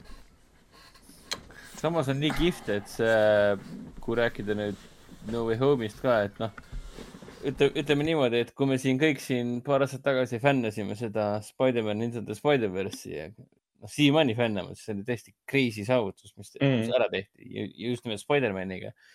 siis sa lähed vaatama No Way Home'i ja vaatad mingi, ma ei taha spoilerdada, aga siis sa nagu noh, No Way Home on nagu, kuidas, kuidas seda öelda? see on põhimõtteliselt nagu live action version. Into the Spider-verse. ja, ja, ja siis, ja sellepärast nad suudavad ka konkureerida. jah, ja, ja, ja, hämmastaval kombel see John Watts ehk siis noh, Disney ise nii-öelda on suutnud hoida seda sama justkui energiat või tempot või. kindlasti mitte sama kvaliteeti, sest noh, kui Spider-man No Way Home on, ma panin talle emotsiooni pealt, andsin üheksakümmend, siis Into the Spider-verse on sihuke kakskümmend kümnest, midagi sellist et.... ei no ei, Spider-verse on ikka, ikka nagu parem. selles mõttes, et äh, filmi äh,, No Way Home on kõige parem Spider-mani film, aga kõige parem Spider-mani täispikk on ikkagist äh, Into the Spider-verse. Jah, ja, ja esimesed kaks Reimit ka. ma ei, ma ei, no võib-olla, või jah, kurat, ma olen vist nõus sinuga Into Spider-verse, niikuinii Reimi sai mul, esimene Reimi sai kümme. ei no selles mõttes, et vaata see Reimil on äh, natukene nostalgiapunktid on natuke liiga, liiga ka kõrged. jah, ta annab kohe natukene mingi... liiga kõrged nostalgiapunktid. kaks punkti annab kohe juurde. ikkagist jaa, et äh, kui ma ikkagist vaatan selline, võtan tabeli ette oma selle Exceli hindamistabeli ja siis sinna lükkan neid filme, no need ei saa tegelikult, noh, need ei, need ei lähe väga kõrgeks ikkagi, need punktid kuigi, kuigi lihtsalt No Way Home on hämmastav see, et äh, nagu Ragnar siin enne mainis ka vist kuskil eravestluses, et ega, ega selle Spider, No Way Home'il siiamaani ei ole seda Spider-man'i filmidel, mida lavastab John Watts ja Tom Holland peaosas, tal ei ole seda režissööri nägemust. no see on ju Disney, see on ju Disney, Disney luba. Disney filmid. Et selles mõttes, et Russo vendadel lõpuks tekkis oma nägemus äh, alates Winter Soldier yeah.. Winter Soldier oli erinev kuidagi ja, ja ma ei tea, Scott Derricksonil oli ka mi midagi. no ei olnud, ainuke, kellel on mingi nägemus olnud, on, on James, äh, Gunn. James Gunni filmid põhimõtteliselt. mitte ainult James Gunn, vaid ka see... Eternals on ka nüüd, millel, mille saab, mille saab öelda, et on ja, just, mingi just kerge lavastaja maitse seal juures tema Avengersid ikkagi on üsna siukse Joss Whedoniku maitsega nii-öelda. aga John Watsi puhul nagu mind blowing, kui, kui, kuidas seda öelda, kui keskpärane pilt ja, ja nägu ja tegu võib ühel režissööril olla, see on hämmastav lihtsalt tal ei ole mingit nägemust kaadrist, alguses, ta on. ta on nagu robot lihtsalt, kes on sinna ette pandud juhendama. tubli, tubli truuper, ta teeb. ta on nagu see Marveli korporatiivse nägemuse sihuke hüpiknukk, kes äh, täidab oma eesmärki, ta on funktsionaalne. ja kõik selle filmi kaadrid on funktsionaalsed, nad täidavad ainult mingit eesmärki, milleks on story edasiviimine. Siin pole see... ühtegi kaadrit, mis on natukenegi mõeldud niimoodi, et reisijal, näed, ma teen homaaži kuskile või umbes nagu Spider-man kahes on see õud-, õudusfilm sisse lavastatud siis, kui see äh, äh, kirurgid püüavad, kombid said ära lõigata. Doc Ock üles ärkab ja tema kombid lõigatakse, lihtsalt õudukas on sees.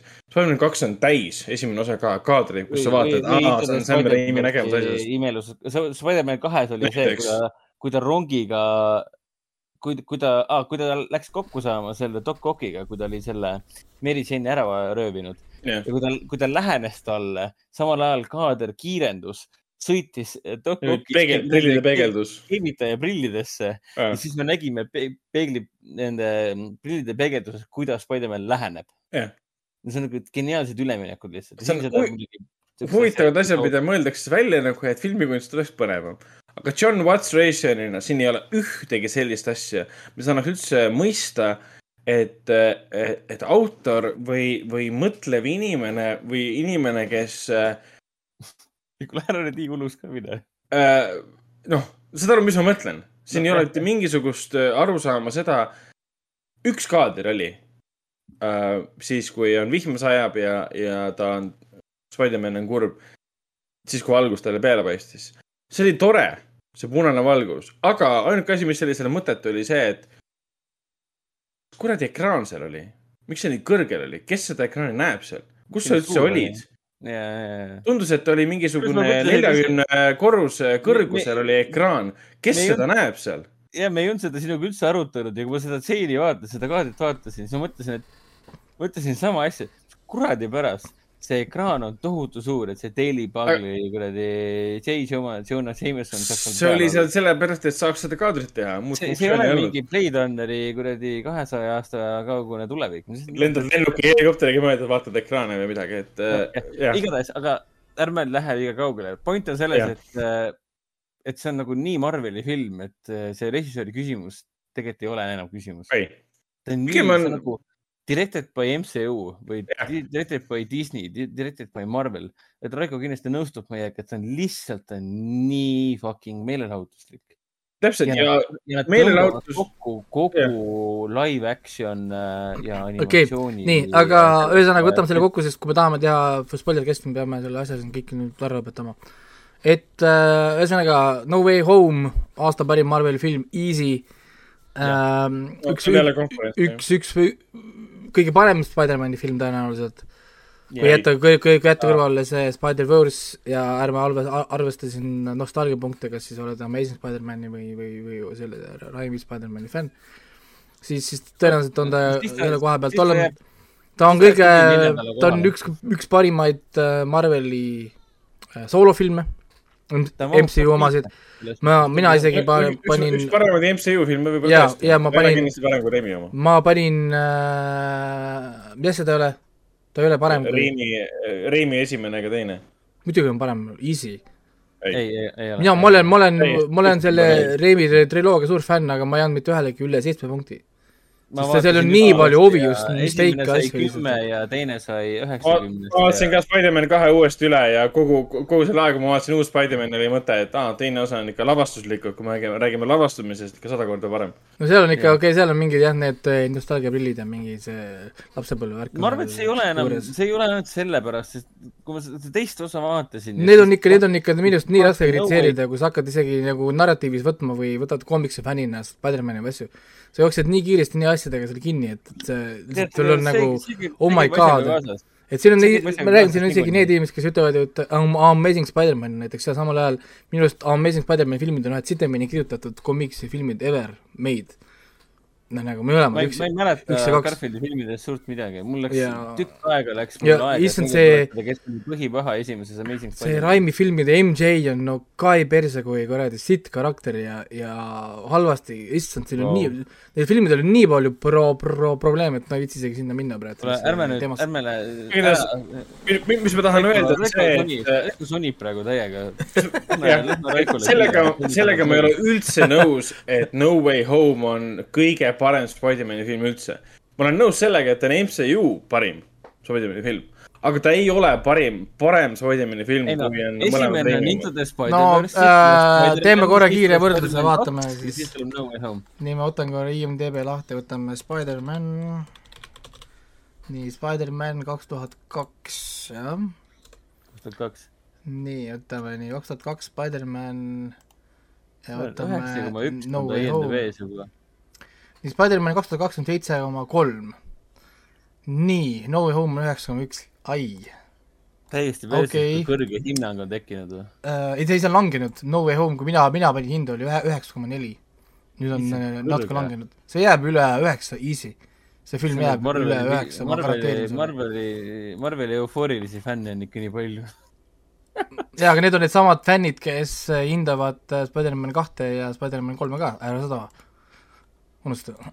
nii, Spider-man kaks, seitse, koma. kolm, Spider-man kolm, kuus koma kaks. ma ei tea, hind, hinde järgi nad ei ole isegi äh, samal skaalal mitte. Kahepunktine vahe, et IMDB hinnang ei tähenda su sugugi tegelikult mitte midagi. Et- et hind, hindajate arvult ta jõuab ka varsti järgi. ei, ma räägin, ei ma räägin, ma räägin nüüd selles mõttes nagu päriselt venne arvamus on äh, puhtalt äh, objektiivne. ja ei ma, ei ma lihtsalt äh, räägin nüüd-, objektiivne, objektiivne, objektiivne hinnang on see, et Spider-man üks ja kaks on parem kui uus Spider-man. see on meie objektiivne see hinnang. no olgu, ütleme siis niimoodi, et äh, rahvusvahelised kriitikud ja rahvusvahelised filmifännid äh, muude hinnete, hinnete ja asjadega, mille järgi me suudame hinnata äh,, tõenäoliselt jätavad Spider-man No Way Home kõige paremaks Spider-mani filmiks. et, millega ma üldse, millega ma üldse nõus pole. et, et, et see hinne jääbki üle üheksa tõenäoliselt, kui vaadata ka Jah. neid Rotteneid, mis on nii veidrad, need Rotteni user score'i ja metascore'ide ja igal pool tõenäoliselt läheb üle, üle üheksa, siis tõenäosus, et me saame mingi Spider-man filmi, mis isegi üle kaheksa läheb, uuesti on väga nagu madal tegelikult. kuigi aga meil Ragnariga ei ole midagi kurta selles mõttes, et mina ise panin ka talle üheksakümnes. palju sina panid, Ragnar? kaheksa. noh, nagu millest, millal muutus kaheksa üheksa halvadeks? Ei olegi, ei. Ei, ta ei ole halb, ta ei ole kindlasti halb, mõlemad on head filmid, aga minu jaoks üks, üks on parem kui teine. Ei, aga mõlemad on head filmid selles et, mõttes. et kui vaadata skooride, skooride järgi, siis ongi kõige parem praegult ongi No Way Home, aga me peame ootama natukene ka, kui inimesed rohkem näevad seda. sest ta on praegu nagu see uus äh, nagu stuff, kuigi ta on ju- juba nii kõrg-, nii paljude häältega tegelikult nii kõrgel, see on tegelikult nagu ja, päris hea. ja siis, ja kui hullult pappi see film juba jaa, ei ta juba teeb siin kolmas koht oli siin rekord, mis ta üle oli, viiesaja vist oli koos või? Viissada kaheksakümmend neli miljonit vist oli jah, see opening taevas. post office. Siis ja, opening box office on viissada kaheksakümmend seitse koma kaks miljonit, mis on kõigi aegade parim kolmas tulemus üldse maailma globaalses box office'is avanädalavahetusel. jah, arvestage, et me räägime praegu ajast, kus kinod on kinni veel. jah, see on selle, selle filmi jaoks ainuke film ei, ole olemas, see on, see film eitab koroonat. jaa, see on ainuke film, mis suutis kahe aasta jooksul, ainuke Hollywoodi blockbuster purustada mitte pandeemia rekordid, vaid kõik rekordid ja jõuda siuksele kohale. selle filmi jaoks pandeemiat pole olemas, see on esimene film, mis on suutnud seda teha. jep, ja siis ei, ta võib-olla sai nii kõrgele ainult tänu pandeemiale. meiegi peame vaatama skooride järgi, teisena kõrge on Spider-man Into the Spider-verse kaheksa koma neli, jälle väga teenitud äh, koht. ja kolmandana ongi Spider-man esimene, seitse, seitse koma neli. kui vaadata lihtsalt äh, skooridega ja ülejäänud filmid on seal all siis äh, Amazing Spider-man kaks on kõik kõige, kõige madalam, viis koma mingi whatever. nojah, see on arusaadav. et ja need Tom, Tom Hollandi omad ongi siis seal vahepeal kõik seitse kaheksa, seitse üheksa, kaheksa null, sealkandis mm., noh need ülejäänud nagu filmid. et äh, jah, selles mõttes, et igal juhul tasub minna vaatama kõik asjad äh,, see on aasta üks parimaid filme, ta on üks, kui sa oled koomiksi fänn, easy pick, on ju, kui sa oled ämblikmehe fänn, easy choice, kui sa oled äh, MCU fänn, millest me üldse räägime, on ju, kui sa yeah. oled, ma ei tea, mis, iganes, oled lihtsalt ilusa kino fänn või, või, või hea kinoelamuse fänn, siis nagu why the fuck not, on ju, selles mõttes, et noh, nagu siin kõik, kõik asjad siin ütlevad, et seda peab nagu seda filmi vaatama ja ja, ja Sony on sinna raha visanud, Marvel on sinna raha visanud, kõik on sinna raha visanud, et see film oleks nagu, nagu vägev. aga siin on probleeme, siin filmil on probleeme, mul on päris palju asju siin vinguda ka äh,, ma andsin talle üheksa punkti, sest lihtsalt minu see skooritabel ei, ei lubanud madalamale panna. ma tegelikult võib-olla emotsioon, emotsiooni najal oleks võib-olla kaheksa pannud võib-olla mm -hmm. kaheksa pool. minu arust ei ole parem tegelikult kui Into the Spider-verse. aga kui ma lihtsalt oma tabelisse neid täidan, mul on selline natukene tabel, mis sunnib nii-öelda nagu objektiivsusele teatud mõttes, siis see tabel tegelikult äh, näitas, et on üheksa punkti. okei, okei. Okei, ei, ma olen ka nõus, selles mõttes, et minge vaatama, sest see on tõesti suur, ilus, võimas film, pikkus ei anna üldse tunda endast siin toimub palju, siin on nostalgiline väärtus selline, et see sõltub, mis vanuses sa oled või kust sa pärit oled, palju sa oled näinud.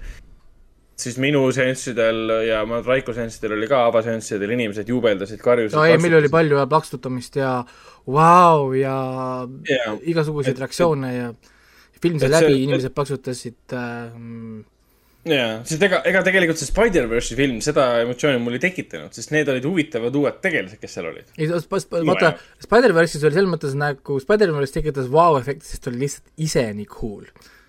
ütleme nagu aga see... nüüd on see teine vau-efekt, nüüd on see, et midagi meie minevikust, millega kõik oleme kollektiivselt kokku puutunud. ei no lihtsalt see on nagu, nagu see oli tegelikult, noh, ühesõnaga me jõuame sinna järgmises saates, me rohkem, aitab, aitab sellest küll. ühesõnaga, seda filmi me müüsime, müüsime siin äh, rohkem kui viissada kaheksakümmend seitse koma whatever miljonit praegult, nii et nii et me oleme seda müünud, äh, tagunud seda sisse, minge vaata Spider-mani, umbes noh, nagu noh, äh, juba, juba küll. kõikidele skeptikutele ka, et mina olin ka väga skeptiline, sest esimesed kaks Tom Hollandi filmi mulle üldse ei meeldinud ja nüüd see lõpuks tuli väga hea film, et, et kui sellepärast ei taha vaatama minna, et esimesed kaks ei meeldinud, siis tasub minna nüüd, sest see on päriselt hea film nüüd. no selles, kusjuures äh, ma oma selles arvustuses kirjutasin ka, et see on esimene Spider-mani film, kus Tom Hollandi karakteril on, on lõpuks iseloomu. ja siis ja, äh, ja. osad olid seal kommentaarides natukene tri-, trigerdanud selle peale, et Oo. et ma julgesin rünnata seda moodsat äh, Spider-man, aga siiamaani mul tõepoolest Tom Holland, Spider-man tuli nagu side character. ta oli kõrvaline karakter lihtsalt äh, omaenda filmis kõrvaltegelane, kelle jah, ta, tal ei olnud nagu pointi, ta lihtsalt eksisteeris selle jaoks, et meile öelda, et meil on Spider-man. siis nüüd ja. ta on lõpuks keegi, ta on lõpuks, on nagu oma selle koha saanud, mis on selles mõttes nagu veider. tal on nagu kolm soolofilmi olnud. ta on olnud kuues MCU filmis, aga alles nüüd on ta nagu valmis, mis on selles mõttes nagu veider, et meil on näiteks Doctor Strange, kes on saanud ühe filmi, on ju, meil on siin karakterid, Black Widow sai alla, alla, alles nüüd oma nagu filmi, Hawkeye pole ikka veel oma filmi saanud, sai alles nüüd oma mingi sarja. et niisugune nagu veider, niisugune nagu jah, proportsioonide kohalt natukene paigast ära tehtud asjad, aga noh, samal ajal Spider-man on kuulus karakter ka, nii et jaa, jah täpselt, ega neil, noh, eks me vaatame, mis tulevik toob, et ega see ei ole kindlasti viimane film Tom Hollandiga, see ei ole viimane film. tea, ei tea, selles mõttes, et Tom Holland tegelikult ütles, et ei taha rohkem mängida, samal ajal see produtsent tegelikult mainis, et neil on umbes väidetavalt leping üle kolmeks filmiks Tom Hollandiga. Spider-mani soolofilmiks. ei no, Disney tuli oma tšekiga, ütles, et Tom Holland, palju sa tahad, või tähendab, Disney tuli, tuli kohale, et me kandsime sulle juba raha üle Tom Holland ütles ok, vaatas oma arvele, et seal on nii palju raha, et numbreid ei tunnistata enam. ei, see ma, see ma ka ära vaatasin selle peale, et ta peab scroll ima seda telefoni kõrvale, et oota, kus see lõpeb. jah et, et küll ta tuleb tagasi, see on mingi jutt lihtsalt, mida meelega räägib, et kõik lähevad ei, no, meelega vaatama. ta, ta, ta, ta võib ongi tõsine, ta võib-olla ütlebki, et ta ei taha enam teha, see ei tähenda, et ta ei tee. nagu vähe oleks näitlejaid, kes ei taha teatud asju teha, aga nad teevad sellepärast, et lihtsalt Daniel Craig rääkis, et ta tahtis oma veenitlebi lõigata, et enne kui hakkab uuesti mängima Bondi. no ta mängis see aasta Bondi jälle. no siis tuli siis tuli MGM, kuule, meil on tšekk. viiskümmend miljonit. okei, tuleb tagasi, nice meil on, meil on tšekk. ei no see on et üks, siin oli üks miim oli Nine-Gagis, et mingi näite ütles, et Voog edastused on sitt, ei lähe kunagi Netflixi ja siis oli seal see Nine-Gag, see meem, kõik filmid, mis ta oli teinud Apple TV plussile, Prime videole ja Netflixile, mingi kaksteist filmi või palju tal oli, aga ma ei mäleta, mis, mis näitleja see oli, sest noh, dollaris, nagu kui ikkagist no, sa oled näitleja, sa tahad teha tööd ja keegi tuleb sulle, kuule, et siin on äh, numbrid, siin on äh, raha, okei. okay mis, mis ta, vahet selles on tegelikult. näitlejana tegelikult lõpuks ongi, mis vahe on, kas sa teed voogedastust või sa teed seda kinno. kui sa just ise kuidagi ei ole, ma ei tea, box office'iga seotud, siis nagu noh. lõpuks on see, et sa teed tööd. sa teed tööd, sa saad oma ju ja asjad kätte ja mis sul vahet on. kas see on voogedastuses, kus näeb seda miljonid, sajad miljonid inimesed või vaatab seda kinos keegi, kus on sajad miljonid inimesed, mis vahet seal on? jah, täpselt nii. et aga olgu, lõpetame siin sellest ära, tõmbame asjad kokku ja uh,. jaa, mainiks uh, lõpet... mis muud ei olegi, selles mõttes, et jah, kõik. ühesõnaga, kuulajamängus, mängu küsimused aasta lõpuks, meil on nüüd kaks nädalat vahet uh,. me PÖFFi saadet vist, vist enam ei teingi, täna on PÖFFi viimane päev. õigus, õigus. mul on no nii palju PÖFFi filme vaadatud, ma ei teagi, mis nüüd nendega saab uh,. peame PÖFFi post-show tegema tagantjärgi et mul on vist kuuskümmend seitse filmi või? Holy shit. midagi, midagi sellist. mul on hästi crazy see PÖFFi nimekiri ja ma ütlen ausalt, osad filmid sulasid lõpuks kokku, et kui ma mingi eraldi kirjeldust ei loe ja näitlejaid vaata, ma ei suuda neid filme enam eristadagi, sest kõik on lihtsalt üks mingi foreign draama et äh, mul on, tekkis suur respekt PÖFFi äh, siis programmi ko ko koostajatele, kes suudavad vaadata sadu filme aastas ja neid filme välja noppida, nii et äh, nad püsivad nende jaoks erinevatena. On kõik, ehk siis järgmisena tuleb meil kohe niisugune lühem spoiler cast, kus me siis spoilime seda filmi nii palju, kui me saame mm. -hmm. kas need ilmuvad ka järjest või mitte, seda ma ei oska öelda, arvatavasti ei ilmu, ma arvan, me jätame mingi päev või kaks vahet või isegi rohkem. midagi taolist, väike kui... hingamisruum. väike hingamisruum, et, et üks saade saaks natukene olla ja siis teine saade tuleb natukene nagu järgi, aga, aga kui te kuulate seda näiteks kolmapäeval, neljapäeval seda saadet, mis meil praegu on, siis tõenäoliselt selleks ajaks on ka olemas juba see spoiler cast, mille saab kohe siis pärast edasi peale panna nii, aga selge, äh, ära. ma mainiksin mainiksin viimase asjana veel nii palju, et siin kahekümne neljandast äh, detsembrist äh, saab siis Foorum Cinemas Tsentrumi kinos, kui just juba Coca-Cola Plaza lahti pole, näha siis Laula kahte. Matrix ülestõusmist ja Prantsuse lähetust. me kindlasti vaatame uuel nädalal ära ka Matrixi ja saame sellest pikemalt rääkida, mis imeloom see siis on. et oli vaja teha neljas osa triloogiale või siis Raiko jaoks esimesele filmile teine osa um,. Artises on samuti Laula kaks ja Prantsuse lähetus, mis on meil juba jooksnud kolm nädalat äkki vist juba.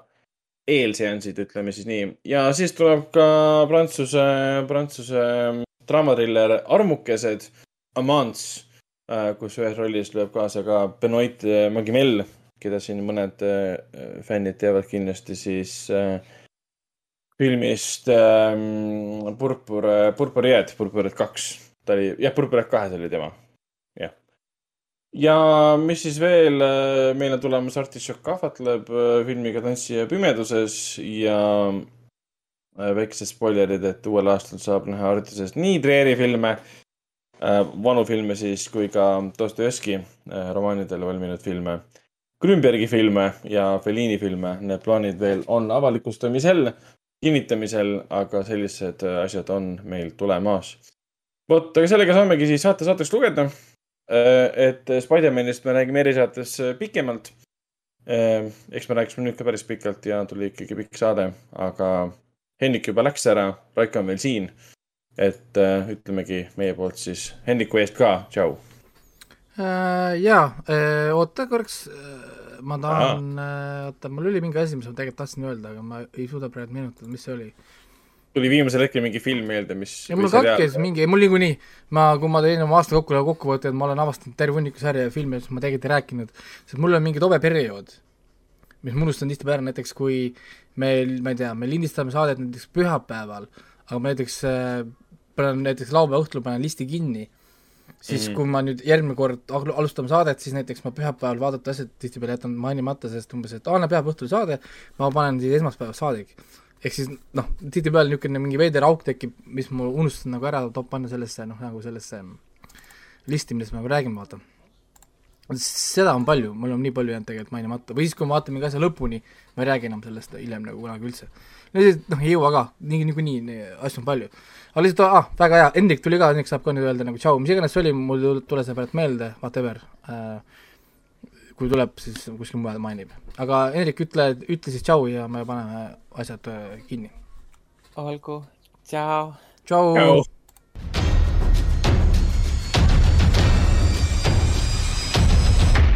kinoveebi Jututuba podcast